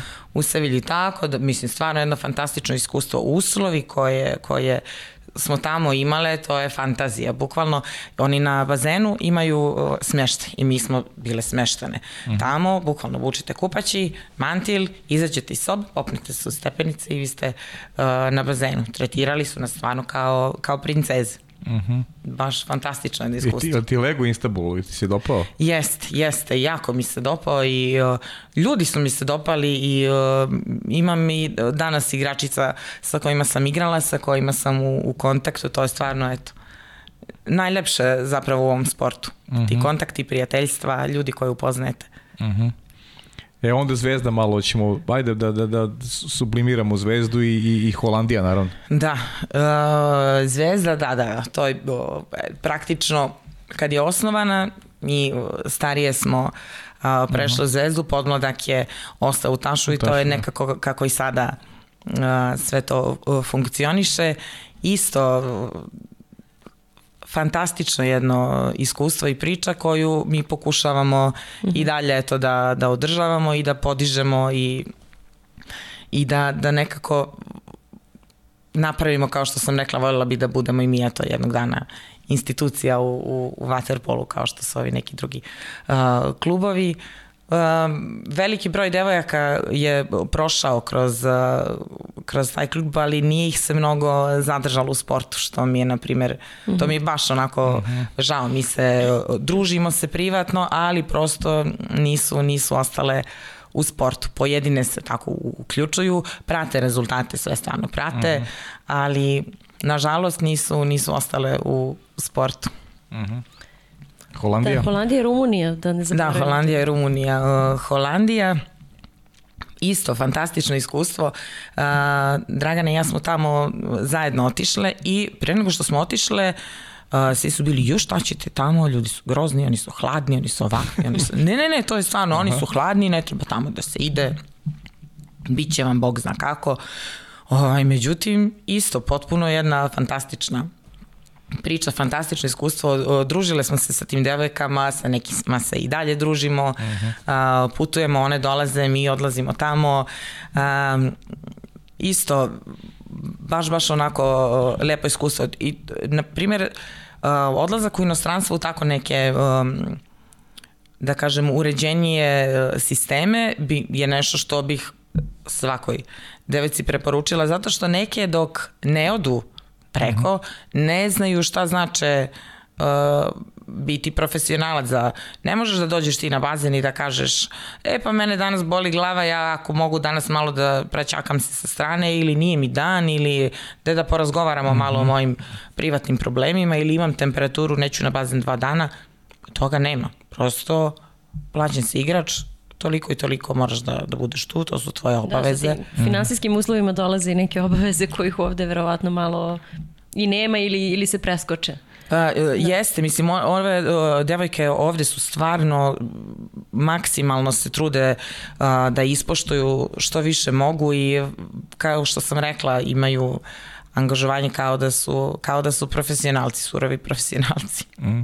Ti žao što nije potrebalo malo više kad pričaš o tome zbog vaterpola, zbog sebe, tvoje karijere, da si, da si igrala više u tako nekom u, u uređenijem sistemu gde, gde si možda mogla i da napreduješ više kao, kao igrač. Ili imaš neku žal kada, kada sada vratiš karijeru unazad? Da li misliš da si, da si ostvarila malo uh, u, u, u srazmeri sa potencijalom koji si imala? A, pa, znate kako, ja um, nekako više gledam na, na sve to kao neko iskustvo koje sam skupila, uh mhm. -huh. koje bih mogla da prenesem nekom mhm. drugom. Uh mhm. -huh. Znači nije da, da, nešto, da nešto žalim. Meni je žao što uh, veći broj devojaka koje su igrale nije imao priliku da prenese da, dalje. I da se isproba, da se oproba u inostranstvu, zato što prosto danas je malo drugačija situacija i imamo dosta devojaka koje su napolju. To ranije nije bio slučaja, a bilo je devojaka jako kvalitetnih koje su mogle da igraju u inostranstvu, nego eto jednostavno situacija je bila takva da nisu imale priliku na to. Eto, više zbog toga žalim što više mhm. njih nije mm -hmm. tako nešto prošlo, jer možda bi onda imale i nekakav uh, drugačiji pogled na sve ovo i drugačiju percepciju, možda bi imale želju da eto to prenesu nekom drugom, a nekad se završi igračka karijera da to bude to. Mm. Ali ta tvoja želja da, da to dalje prenosiš, odnosno da uđeš u trenerskoj vode, uvek bila prisutna i tokom igračkih dana ili je to došlo tek negde pred kraj? Karijere? Pa bila je, bila je, bila je prisutna, jeste. To je meni um, nešto što je najljepše u, u, u svakom poslu i bilo, čemu, bilo čime da se bavite, da ono što imate prenesete nekom, da pomognete nekom. Ja sam i, i ranije sa mlađim igračicama, ako vidim da mogu da nešto pripomognem, Um, nije mi nikad bilo teško ako me neko nešto pita, da je pokaži mi, pomozi mi. Ne mislim da sam uh, najpametnija i da sve mhm. znam daleko od toga. Mislim da uh, imam mnogo toga da, da naučim. Dosta ja i od, od ovih mlađih, od, od igračica, dan danas učim. Iako više ne igram, nego sam trener, ali prosto uvek možete nešto ovaj, od svakoga možete nešto da, uh mhm. -huh. da naučite. Tako da to je nešto to je stalno prisutno kod mene. Ako mogu nešto da, da nekom pomognem, da se nađem, da, da, da to prenesem. Hoćemo jedno video pitanje? Može, može da. Pozdrav svim gledalcima, imam nekoliko pitanja za mog trenera Ivanu. Koji ti je omiljeni trofij koji si osvojila i najdrži gol koji si postigla za reprezentaciju? Jocko, pozdrav za Jocko. Um, pa najdraže mislim da mi je imam pa taj sa, možda ta prva titula sa, sa Tašom, to mi onako nekako, mhm. to je nešto prvo što smo osvojili i eto to možda bih izvojila kao, kao najdraži trofej. A golovi, pa ne znam, ja golove uh, slabo, slabo pamtim. Pa. Nisam nešto ni bila neki šuter. Čak uh, i to je, na primjer, nešto što pokušavam njima stalno da objasnim, jer desi se da budu nezadovoljne ako nisu dale gol, ako nisu ili su promašile nekoliko puta. Meni se dešavalo da izađem iz utakmice, ne da nisam dala gol, nego nisam ni šutnula ali sam bila zadovoljna zato što, mm -hmm. ne znam, izborila sam nekoliko isključenja, imala sam nekih asistencija, nekom drugom sam otvorila prostor i da prosto nije, nije sve u tim uh, datim golovima. Mm -hmm. Naravno da bi dobili utakmicu moramo da ih ovaj, dajemo, ali nije, nije sve u tome. Tako Više da, se zahvalimo samo Jovanje Radonjić, čisto da, da, da kažemo ko je, ko da. je bila devojčica. Da. Jeste, to su moje mlade nade iz Taša. Iz Taša. da. Držimo fije za Taš i Ili ima, kako si zadovoljan, ajde, sad, kad nadovezuje se tema uh, za, sa, sa devojčicama, koliko ih ima uh, u Tašu i, i kako, kako napreduje? Ja, ima ih. Mi smo stvarno kao jedna mala, mala banda. Ja nekad kad se pojavim s njima izgledam kao patka sa pačićima, ovaj, ali preslatke su i uh, divne su i toliko su zahvalne zarad nekad mi dođe da ih da ih podavim, bukvalno. ne, ali stvarno. Da podaviš patkice. da, da. Pa onda moram da im objašnjavam da to što ja sam galamila ne znači da ja njih ne volim jer neke, ja, ja stvarno nisam neko ko uh, vrišti, ko ih vređa, ko stvarno mm -hmm. smatram da ne treba ovaj, tako se obhoditi prema mm -hmm. devojčicama, prema uopšte deci. Uh, Uh, međutim, desi se da, da planem, da se izgalamim, meni posle bude žao kad dođem kući, bože, dragi, što si, što si galamila, što si rekla, možda ona sad otiša kući pa da plače, njih uglavnom baš briga kad dođu kući, ona i zaborave što sam ja rekla, ali ja se živa pojedem. Ovaj, tako da baš su divne, šašave su, imaju fantastičnu uh, energiju kad dođem Ivanči, Ivanči, jel donesemo lopte, u smislu ako donesemo lopte možda ćemo raditi samo sa loptama, nećemo plivati i tako dalje. Imaju te svoje neke fore fazone, vole da idemo um, na plazma shake u kafe pauzu, to je kafić Pauz, pored. aha. Jeste, pauza. Uh, I njih pozdravljam ovim putem puno. Pozdravljamo mi To mi je takođe. kao druga kuća. ovaj, ba baš sad posle Zrenjanina kad sam došla, pošto skoro mjesec dana nisam bila tu, prvi trening, one su se zatrčale, skočile na mene da, da ih nosam po bazenu i onda su se skupile, imamo mi nešto da te pitamo, ja kažem, pitajte, kad ćemo na plazma shake? Dugo nismo bili. Tako da, eto, to nam je nešto što nam je tradicija, da, da odemo e, s vremena na vreme u pauzu na, na plazma shake, da se one iščaskaju, da se druže. Tako, super su. Ajmo još jedno pitanje. Uh, Ćao svima, veliki pozdrav svima u studiju, pogotovo za moju Ivančicu i pitanje je uh, koji je tvoj najveći uspeh u igračkoj karijeri? Nada Mandić, pozdravi za nju. Pozdrav veliki za, za Nadu. Uh, najveći uspeh u igračkoj karijeri? Pa mislim da je... Pa možda to što eto sam uh, uspela da, da toliko se bavim ovim, uh, ovim sportom. Zato što a, penzionisali su me godinama, to Je jeste, tako, jeste. Da, da, da, to je bilo, ali ja ni u jednom momentu nisam dok eto stvarno se to nije desilo, nisam bila spremna da kažem da neću, da neću više da se, da se bavim sportom u, u, tom, u tom nekom smislu. Ne znam, bilo je tu stvarno raznoraznih a, titula, trofeja, ali ne znam, možda eto to što sam uspela da, da, da trajem. Ja mislim na nekom relativno dobrom nivou, eto, taj toliki broj godina. Mi smo zaključili profi, profi karijeru u Rumuniji, je li tako? Eto, ostali smo dužni malo Rumunija ili možda da ti eto ispričaš nešto ako hoćeš da sublimiraš, možda nešto te nismo pitali vezano za, za karijeru, a htjeli bi da kažeš. A, što se Rumunije tiče, to mi je isto. Mislim, eto, sve je fantastično iskustvo. Aha. sve, kako Sve god okrenem, sve je da. bilo super, da. Aha. Um, tamo isto, kup i, prvenstvo Rumunije, to sam uh, Dupla kruna. jeste, sa, sa Rapidom. Um, interesantno je bilo što u periodu dok sam ja igrala, igrala je tamo i Ruskinja jedna, uh Marina. I onda je znalo da se desi, ja kad dođem, onda ona meni kaže, ova je trenirala ovoliko, ova nije dolazila, ova je bila tri puta, sve mi ona referiše, zato što ona isto stvarno bila vojnik i nju je nerviralo tako kad, kad dolaze na treninge. Pa smo onda, eto, zajedno nekako se trudile i njih da, da motivišemo, da, da to bude malo malo bolje i isto su devojke bile, bile fantastične, dan danas se uh, čujemo, družimo, u kontaktu smo, fantastično, stvarno opet, fantastično iskustvo, 17. put. Dobro. Tako ti je karijera. Bitno da si zadovoljan svojom karijerom, to je, to je najvažnije. jesam, jesam, stvarno mislim da jesam. A jesi imala neke neprijatnosti u bazenu ili imaš neki detalj koji onako nerado ga se sjećaš da, da ti bilo eto malo da je možda zai, zaiskrilo neka varnica u bazenu sa, sa nekom rivalkom i da ti to onako ostalo upečatljivo. Uh, pa ne imam. imam, Nemaš, a? imam da sam se, jednom sam se samo uplašila stvarno. Aha. Jednom, ovaj, ja inače nemam problem kogod da dođe, nije mi bila frka. Ali to baš kad smo sa Galatasarem bili u, u Sevilji i protiv ruske neke ekipe smo igrali. Ova da neka sočiva stavila, crna kapa, ona sva bela, uh, crni štitnici iza zube i mi smo se nešto čerupale i ja sam je tresnula onako, fino. I ona se samo ovako okrenula ništa nije rekla. Pogledala me da sam rekla, majko Mila, jesi li morala? jesi li morala ovu ovako da diraš? Eto, to mi je bilo onako. A vidiš kako ti je ostalo urezano. Ostalo mi, ogledala me, majko, bože, ja rekao, će li mi ovo biti poslednje? Ali dobro. Pavle, imamo li još video? Imamo, ajde, Imamo, ajmo da. još jedno, pa možemo, ostavit ćemo još neka za kraj.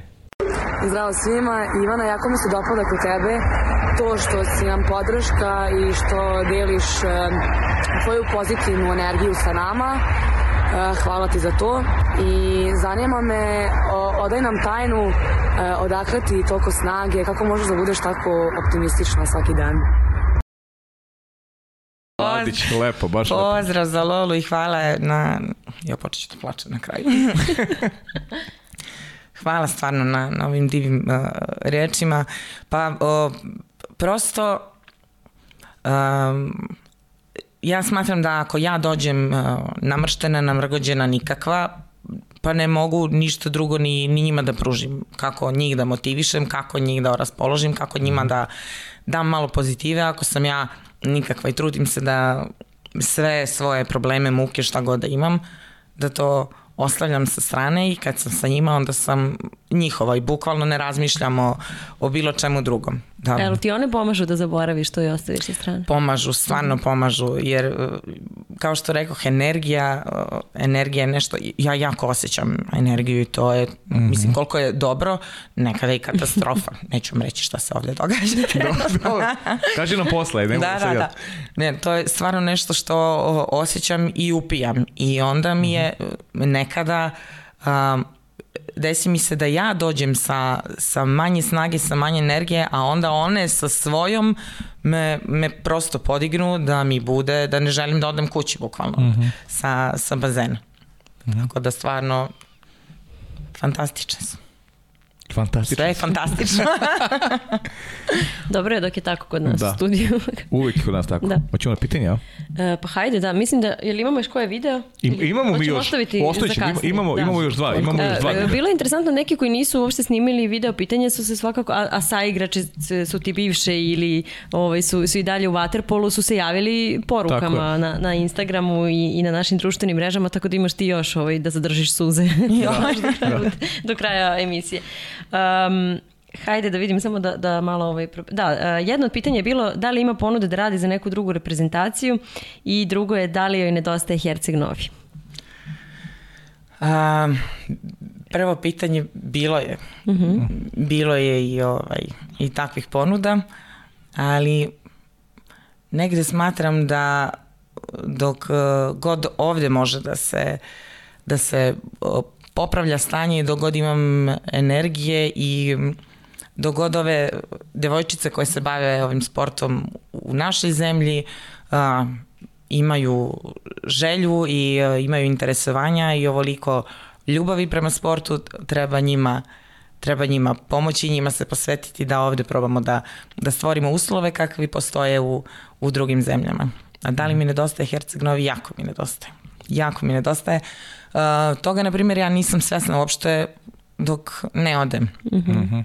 Zato što sam ovde u nekom uh, svom ritmu koji je prilično ludački, jurcam tamo vamo čitav dan uh, uh, sa svojim nekim uh, problemima, sa njihovim problemima, ali kad odem tamo, to je mesto na kom ja uh, punim baterije, tamo mi je i uh, porodica, prijatelji uh, i tek tada kad odlazim zapravo, mislim, kreće raspad, raspad da, da. sistema, svaki put sa raspadnem uh, plačući, ovaj, tek tada zapravo postanem svesna koliko mi nedostaje. Uh mhm. -huh. I voljela bih da mogu češće da idem u Herceg Novi, uh, da. ali prosto ne mogu. Da. O, ovaj, koliko često uspevaš da odeš? Pa uspem možda dva put godišnje, godišnje. ali da, mhm. da, da, ali to je stvarno malo je. Malo. Jeste, malo, da. da. Uh, Jelena Vuković, da li si bila ljubitelj doručka pre treninga i zašto ne? O igračkoj karijeri je reč. da. A, nisam. Nisam. A, u stvari zavisi kad nam je kad nam je doručak u odnosu na treninga. To je često bila neka mala razlika uh, i imala sam, znala da mi se desi da imam problem da mi bude muka kad, kad dođem na trening i onda sam izbjegavala. Jedno vreme sam nosila na, na pripreme blender blender sam mm -hmm. liki nosila onda smučkam tu uh, neko voće, ubacim možda jednu, dve plazme i to popijem ili uh, samo kafu i to, ali zato onda kad se savrši trening kao, kao meća. Jelena još ima, nije, nije pitanje, ali je ovaj, rekla imati tebe kao saigrača je jedna od najlepših stvari koje sam doživjela u karijeri. Eto da znaš. Verovatno je već to podelila s tobom. Hvala. Raspakat ćemo ti do kraja definitivno. Hvala Peko. Uh, da. Ovaj, Marina Đurić pita Ivanu čije postere vaterpolista je lepila po zidu sobe. Tvoje komšinici, znači. Ih. to su u, uglavnom, uh, nismo nešto puno da kažem lepili tih, uh, tih postara. Ja sam više volila to da, da gledam ovako u, uživo. Uživo, da. da. Mm. A koga najviše ceniš vaterpolistu? Ko, ko ti onako omiljeni? Neko ko ti bio neka inspiracija možda ili neko koga si kasnije kroz karijeru najviše cenila? Ne? E pa ja uh, nemam tako neke uh, idole, omiljene, mm -hmm. omiljene sportiste, nemam tako nekog, uh, nekog posebnog. Uh, ja sam voljela recimo iz svog okruženja kao i u, i u sportu i ovim ostalim uh, životnim stvarima da tu pronalazim neke mm -hmm. kod ljudi neke stvari koje mi se koje mi se dopadaju. Mm -hmm. Tako da nisam imala nekog nekog posebno sad da, Aha, okay. da izvojim. Uh, kaže, vozili danas bicikl kao što je to bio slučaj u Holandiji ili je Dragana više ne može naterati na to s obzirom na situacije sa treninga, da nam ispričaš koja je situacija. ja, pa to je, mi smo padala neka kiša. Mi smo išle u, uh, živimo recimo ovdje, pa smo išli u jedno mesto pored, da ne znam šta je već bilo da kupujemo, išle biciklom, naravno vetar uvek duva lice, počela i neka kiša da pada, dok smo došle kući, shvatimo da moramo u teretanu, koja je u sledećem mestu. Pa opet na taj bicikl dođemo u tu teretanu i mislili smo da odradimo neki trening ovako sa strane, ona je otišla, uh, ta žena koja je vlasnica teretane, uh, bila je tu i Dragana je pitala da li ima neko, neki prostor gde bismo mi mogli da odradimo trening, ova kaže, u, imam ja super i povedeo je gore. I ja vidim, nema ih, stala na traku da trčkaram, vraća se žena po mene, kaže, dođi, dođi, nema Dragane. Ja kažem, ma gde Dragana? Ona je gore, kao čekate na treningu, grupni je trening. Ja kažem, super, kakav grupni trening? On otvara vrata, a ova se penje na biciklu. Žena je vezuje, a meni, a ja ispsovala bicikl tog dana, rekao, više se popeti na njega neću kad se vratimo iz Holandije, kad sam videla nju da je došla na spinning, a nije ni ona jadna znala, nego kako je ušao unutra, ja, super, ima slobodan, ovaj, vadi bicikl, vezuje je tamo noge. Tako da više ne vozam bicikl. Nikad više. E, Pavle, pomoći ćeš, mi samo da vidimo jel smo nešto preskočili. Imaš ta... Nešto si već odgovorila kroz, kroz priču, pa da se ne ponavljamo. Da. E, da li je tačno da ti je na priprem 2006. godine Pera Kovačević rekao, sine, radi noge, tebi plivanje više ne treba? Je. Jeste. Istine.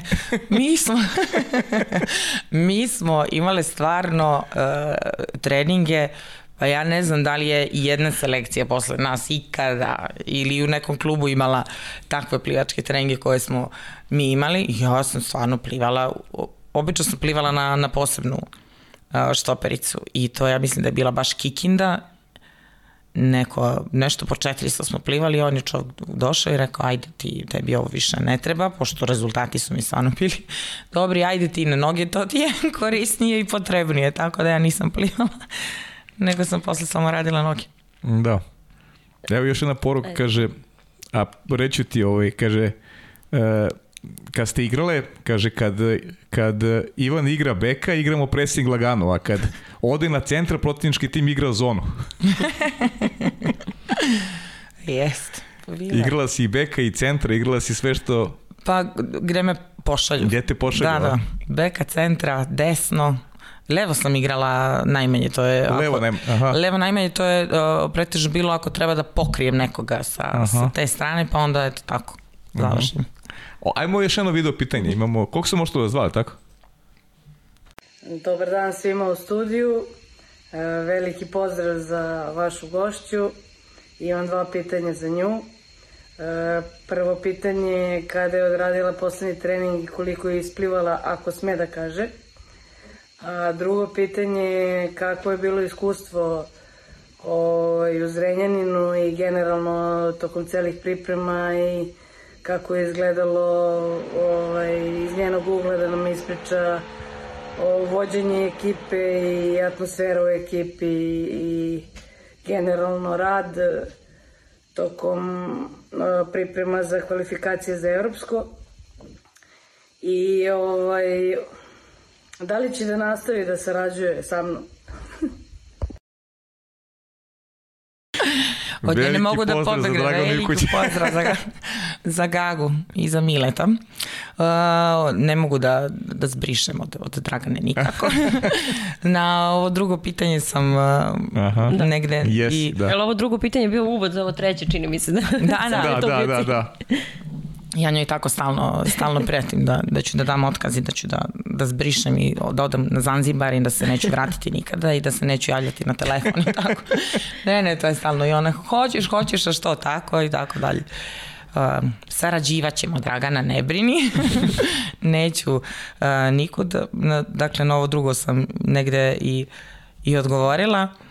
Ja bih, ako mogu da se vezano baš za, za to i za cijelo ovo leto i uh mhm. -huh. ove pripreme, ja bih voljela da se zahvalim svojim uh, kolegama, uh mhm. -huh. kolegama koji su, koji su bili tu uz mene. Mislim, Gagi stvarno na, prvenstveno na, na poverenju koje mi je uh, ukazano a onda i svim ostalim kolegama koji su, koji su bili tu, Marko Janković, na primjer, koji mi je stvarno uh mhm. -huh. pomogao baš, baš mnogo tokom uh, i, i leta i ovih priprema. Um, Ivan Srdanov, Kostas, uh, Ivan Filipić koji je bio sa mnom na, mm -hmm. uh, na klupi, Andor Šulc koji isto bio leto s nama, Vlada Marković, uh, uh, Zoran Mijelkovski i sad uh, da ne napravim zaboraviću nekog mm -hmm. 100% trenutku, ovaj, htjela bih da im se, da im se zahvalim, zato što mnogo su mi, mnogo su mi pomogli i ta podrška je nešto što mi je zapravo bilo, eto, neki najveći uh, vetar u leđa. A šta me pitala? A prvo pitanje je bilo uh, kada si posljednji put odradila, isplivala trening i koliko je to Aha, bilo, ako smiješ da kažeš. Suvi trening uh, jutro sam odradila, a plivački, ja mislim, pre tri dana 4 kilometra. U, svaka čast. Pa dobro. Te, teško, teško izvuči. da. Pa onako. Dobro, dobro. Još dakle... je bila uživancija, bila sam sama u bazenu, nigde nikog. Da. Imam još pitanja, samo čekaj Kaže, samo. da li od selektorke dobila preostali godišnji odmor od prethodne godine? To jest preostala četiri dana koje je ostala dužna. još čekam na ta svoja četiri, četiri dana, dana da ih da. spakujemo.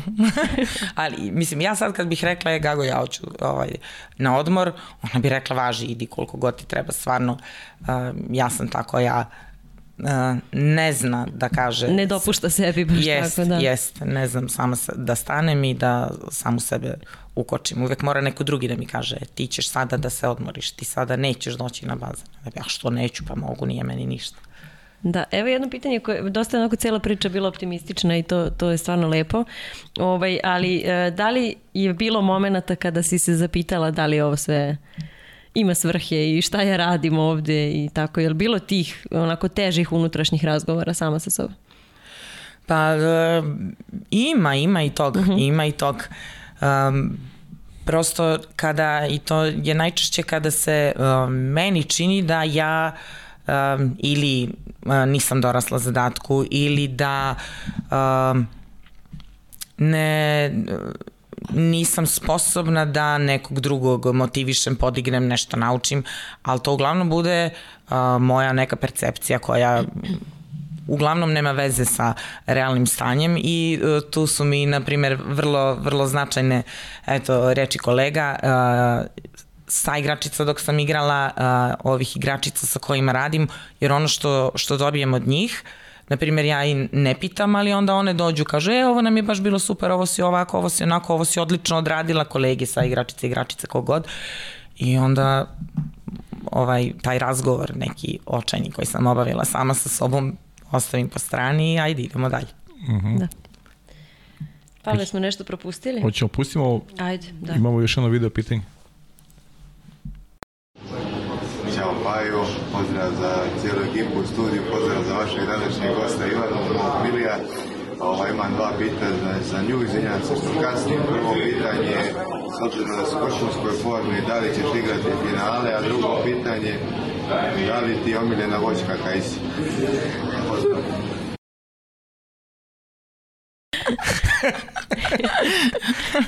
Ima više omiljenih voćki. veliki pozdrav, veliki pozdrav za, za Gaja Milija.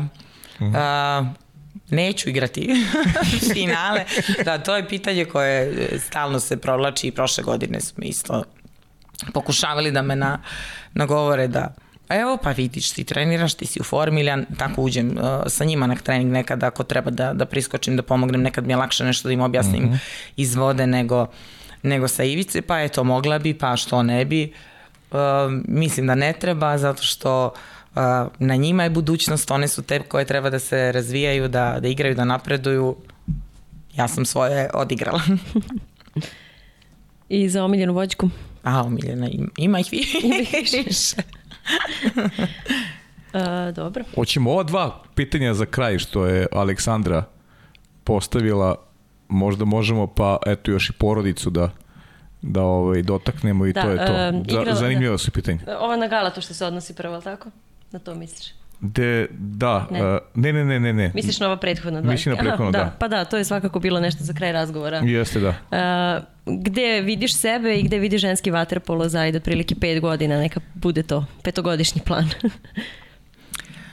uh, pa sebe vidim tu, tu gde jesam za, mm -hmm. za sada. Mislim, evo iz ove perspektive, tu gde jesam, sa mnogo više uh, devojčica sa kojima radim i sa mnogo većim uh, brojem klubova u kojima su devojčice. A ženski vaterpolo svakako vidim na nekom uh, višem stepeniku nego što je, što je to sada. Zato sve to svi mi koji smo uključeni u rad sa devojčicama u celoj zemlji tome težimo. Eto. Mm -hmm pričat ćemo, mislim, i pre toga, ali za pet godina ćemo da podvučemo crtu da vidimo gde smo i mi, gde si ti i gde su te devojčice. Um, drugo je od ta dva koje, koje je mhm. Pavle ovaj, uh, rekao da, da završimo otprilike s tim. Uh, da li je tačno da je trebalo da zameniš Draganu u Crvenoj zvezdi, s obzirom na to da neko vreme ne može da bude tu. Međutim, zašto, uh, zato što su te devojčice iz Taša toliko obožavali, bile vezane za tebe, uh, niste mogle da, da napravite ovaj, uh, tu menjažu taj dogovor? Uh, pa da, negde to je dosta smo razgovarale uh -huh. o mhm. tome, ali uh, negde zaključak da uh, sada ostaviti te devojčice na, na pola sezone prosto uh, ne ide, one su navikle su na, na mene i uh, baš smo onako čudno malo povezane ovaj, i uh, njima se treba posvetiti, treba uh, raditi sa njima, one se sada razvijaju, sada uče i prosto mislim da u, u momentu u kom se one nalaze i u periodu u kom se nalaze uh, treba da budem sa, sa njima. Da. Pa, pa ima, mislim da nismo ništa preskočili, pa da, ako ima nešto tu, jesmo da Da, ima tu, se. ne znam, pitanje saradnja sa, sa muškim trenerima, da li imaš, sa, da li sa Dejanom Savić konkretno znamo da je dolazio i na neke treninge i ženske reprezentacije, pa eto malo, eto i taj segment možda još da, da jeste, jeste, imamo, imamo stvarno saradnju i sa trenerima iz uh -huh. uh, muških klubova Dejan Savić jeste, dolazio je i na naše treninge, znam, Gaga ima stvarno fantastično. Mm, fantastično, da. fantastično. Imaju baš dobru, dobar odnos i dobru komunikaciju i um, šta god da ga je, da ga je pitala, on je uvek spreman da nam da nam izađe u susret, što svojim prisustvom da dođe da pokaže, da objasni, pa sa nekim materijalima koji nam da, tako i ostali treneri, evo konkretno iz muškog kluba sam spomenula Marka Jankovića, on radi u Partizanu, on nam je isto stvarno priskočio u pomoć ovo leto fantastičan je odnos koji ima sa devojkama i to je nešto eto što je vrlo interesantno zato što prijala im je recimo neka uh, energija koju neko drugi donese. Na nas uh mhm. -huh. su navikli na Draganu i na mene, s nama su stalno i na nas su više navikli, mislim da im je nekad i, i preko glave. Uh mhm. -huh. A onda kad dođe neko, neko sa strane, sa nekom svojom energijom, onda to i, i njima prija, tako da to je baš bila uh, bila dobra eto, uh, kombinacija za, za sva ova mhm. takmičenja koje smo imali u proteklom periodu imamo podršku stvarno i od, od kolega iz uh, muškog vaterpola, baš su Marko ti je by the way posljedno pitanje, ali nismo ga potpisali namerno, mislio sam da će prepoznaš možda. Možda si i prepoznala njegovo pitanje, ali svako da, se oglasio. jesam, jesam. Jes, jes, ja. jesam, jesam. Dobro. E, pa ništa, za kraj uglavnom volimo da spomenemo eto i to ko ti je, odnosno da li ti je porodica bila najveća podrška u svemu i kako gledaš na to i koliko ti je bitno uopšte da imaš tu neku mirnu luku i onda kada možda ne ide sve ona kako si ti planirala da, da imaš neko svoje, svoje mesto i svoj mir. Uh, moja porodica mi je stvarno podrška neverovatna. Um, ljubav uh, koju koju oni mi pružaju, to je nešto što mene hrani, puni mi baterije i uh, to je i razlog što eto Herceg Novi mi toliko i nedostaje uh -huh. i zašto se skoro raspadne svaki put kada, uh -huh. kada odlazim odatle. Uh, imam situaciju, na primjer, to je baš bilo te godine kad je Taš osvojio prvenstvo. Uh -huh. Ja, meni bila želja da, tu su bili brati i sestra u Beogradu tada, ali bila mi je želja da uh, bude, da mi budu tu i roditelji ili bar neko od njih. Ja to njima nisam rekla zato što, mislim, Herceg Novi Beograd uh, i dug je put, ne mogu da ostanu zbog posla. Međutim, sestra moja je mhm. rekla, ovaj, kad je pričala sa njima, da bih ja voljela da neko dođe, ja stvarno o tome nisam, nisam pričala. I ona im je rekla da bi bilo lepo neko da dođe, tata je na autobus i došao je taj dan kad je bila utakmica i ja mislim da li je isto veče ili naredno veče da se vrati za, za Herceg Novi. Išli smo u Dubrovnik na regionalnu ligu, oni su se spakovali, uh, došli su da nas gledaju. Uh, baš su mi podrška maksimalna i, i dok sam odrastala to su roditelji uh, nama bili podrška, uvek su nam davali vetar u leđa i krila, eto da kažem, da, da možemo da letimo.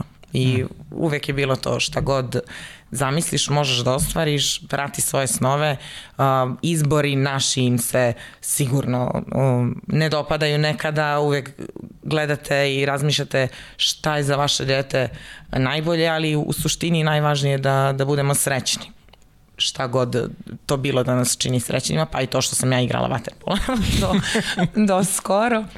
Tako da stvarno su mi onako mirna luka, i što kažemo baza jedna eto mm. koja puni baterije. E, ajde još, još jedna, eto morao sam kada si rekla kraj karijere, možda taj kraj karijere eto nije bio onako kako si planirala, imala si povredu i mo, možda si to zamišljala drugačije. Re, rekla si ranije, slali su tu penziju dugo, onda si silom prilika, možda bi igrala i danas da nije bilo te povrede, a? Uh, nije, da, nis, nisam karijeru završila onako kako sam uh mhm. -huh. ja to uh, planirala, htela. Još se desilo, ja sam uh, planirala da odigram ovu, baš to je pred koronu. Uh -huh. tu, mhm. tu sezonu kakvo god. Trenirala sam stvarno kao, kao blesava. Da oporavim i to povređeno rame jer je baš uh mhm. -huh. bilo katastrofa stanju i onda se desila korona.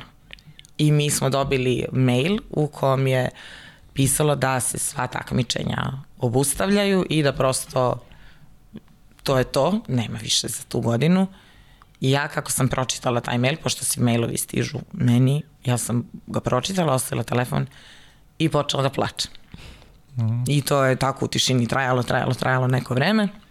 I onda sam sebi rekla, ok, to je to, jer sam znala sad da krećem iz početka sezonu, a radim kao trener, mislim, prilično je naporno. Ovaj, onda, eto, to je bilo to i tako sam to nekako Mene Nije uvek... bilo onako kako sam ja htjela. Da, da. Mene uvek zanimalo kako izgleda onaj prvi dan uh, nakon što završiš karijeru. Onaj prvi dan kada shvatiš pa danas baš i ne moram na dva treninga i kao i nemam te više obaveze, pa onda drugi, pa treći, pa polako ulaziš u to privikavanje da više toga nema. Kako izgledaju ti prvi dani? Pa jeste, ja sam uh, se bavila trenerskim poslom uporedo, mm -hmm. tako da nisam imala uh, tu problematiku šta ću sad. Taj ekstremni prelaz. Jeste, da. šta sad da radim i šta sad posle, posle ovoga, ali da mi je bilo teško, uh, bilo mi je stvarno teško sama ta, prvo to što nije se desilo onako kako sam ja to mm -hmm. planirala, Ovaj, a drugo što mislim da, da svakom sportisti negde kad završi mm -hmm. karijeru bude teško. Jesmo li sve pitali, Pavle? Pa, jesmo. Je li ima nešto što bi ti voljela da dodaš, a da smo mi propustili? Ja bih voljela da vam se, da vam se zahvalim, stvarno. Uživala sam baš, ovaj, kao što sam rekla, imala sam tremu, tremu. priličnu, ali baš sam uživala i uh, da iskoristim priliku i da uh, pozovem, eto, ako ima nekih ljudi koji, koji gledaju ovo, da, da malo pripomognu, da priskoče, da eto, se nađe neki sponsor koji bi mogao da, da podrži ovo što radite, zato što je nemamo, nemamo priliku ovako nešto da, da slušamo, gledamo, pratimo, a vrlo je interesantno, zanimljivo su sve neke priče koje prosto ljudi ne mogu da, da čuju na, na neki drugi način. Tako Sad da, ćemo da, se mi rasplakati. Da. Izgleda smo se potrudili svi da rasplačemo jedni drugi danas. Da, da, da. da. Zamisli još da smo, da smo probali ono omiljeno voće i to. Da, da, da. Bilo bi sve. Da. Možemo posle. može. može, može. Hvala ti Ivana puno na lepim rečima, hvala ti puno na ovoj zaista divnoj emisiji, ali onako najiskrenije od srca. Baš sam uživao i želim ti puno sreće i privatno i poslovno i da se ponovo družimo na ovom istom mestu, verujem da će biti da će biti prilike, a da će biti i povoda za tako nešto da govorimo kako teče tvoja trenerska karijera i danas da će biti protkana i sa, i sa dosta uspeha. Neka budu uspesi to što je devojke koje te očigledno mnogo vole, koje će da postanu onako i osobe na mestu i prave sportiskinje. Eto, to je, to je neka poruka možda najbolja. Jeste. Hvala vam, hvala vam puno i hvala svima što su, koji su se javili i postavili pitanja i veliki pozdrav i zagrljaj i poljubac i ljubav za sve vas. da, ostaje mi samo još ja da se zahvalim Ivani. Mi smo, ja sam stvarno uživala u tvojoj priči, ja verujem da, da će svi oni koji te budu slušali. Hvala ti u stvari što si podelila i neke stvari koje mi ne vidimo baš kad sednemo da gledamo utakmicu, ne znamo baš tačno kroz šta sve prolazite i van bazena i u bazenu, tako da ovaj, hvala ti eto na, na tim detaljima uh, i ne znam, hvala ti što si pozvala ljude da nas prate, eto to je isto to, do, do sad su nam se onako svi lepo provodili ovde u, u studiju i, i ovaj, ali niko nije baš ovako emotivno. Da, bio, da. da. Tako da, ovaj, eto, hvala, hvala na tome, verujem da će svi uživati i da se zahvalim i, i Sari i našoj Aleksandri što su nam pomogle da ova emisija ovako izgleda kako izgleda. Da, ovog puta posebno zahvalnost Aleksandri Milošević. Yes, Svaka da. čast i Čujemo se, Aleksandra. Da. da, nastavite svi u stvari da nam e, pišete, da nam pomažete, jer stvarno da, da nema tih nekih ovaj, sugestija uh, naših gledalaca, ne, ne bi ništa od ovoga verovatno ovako izgledalo. Tako, tako je, da, tako je. Eto, nastavite da nas pratite i Šta, šta, šta smo propustili? Ništa, Ništa. Instagram profile pratite, Tako. mislim da otprilike znamo ko će biti sledeći nedelji, ali ajde da, da utanačimo još te dogovore, tako da ne otkrivam ništa. Da, kao i uvek, staro mesto Instagram, tu ćemo objaviti sve i imaćete priliku postavite pitanje. To je to. Svako dobro, ćao. Ćao.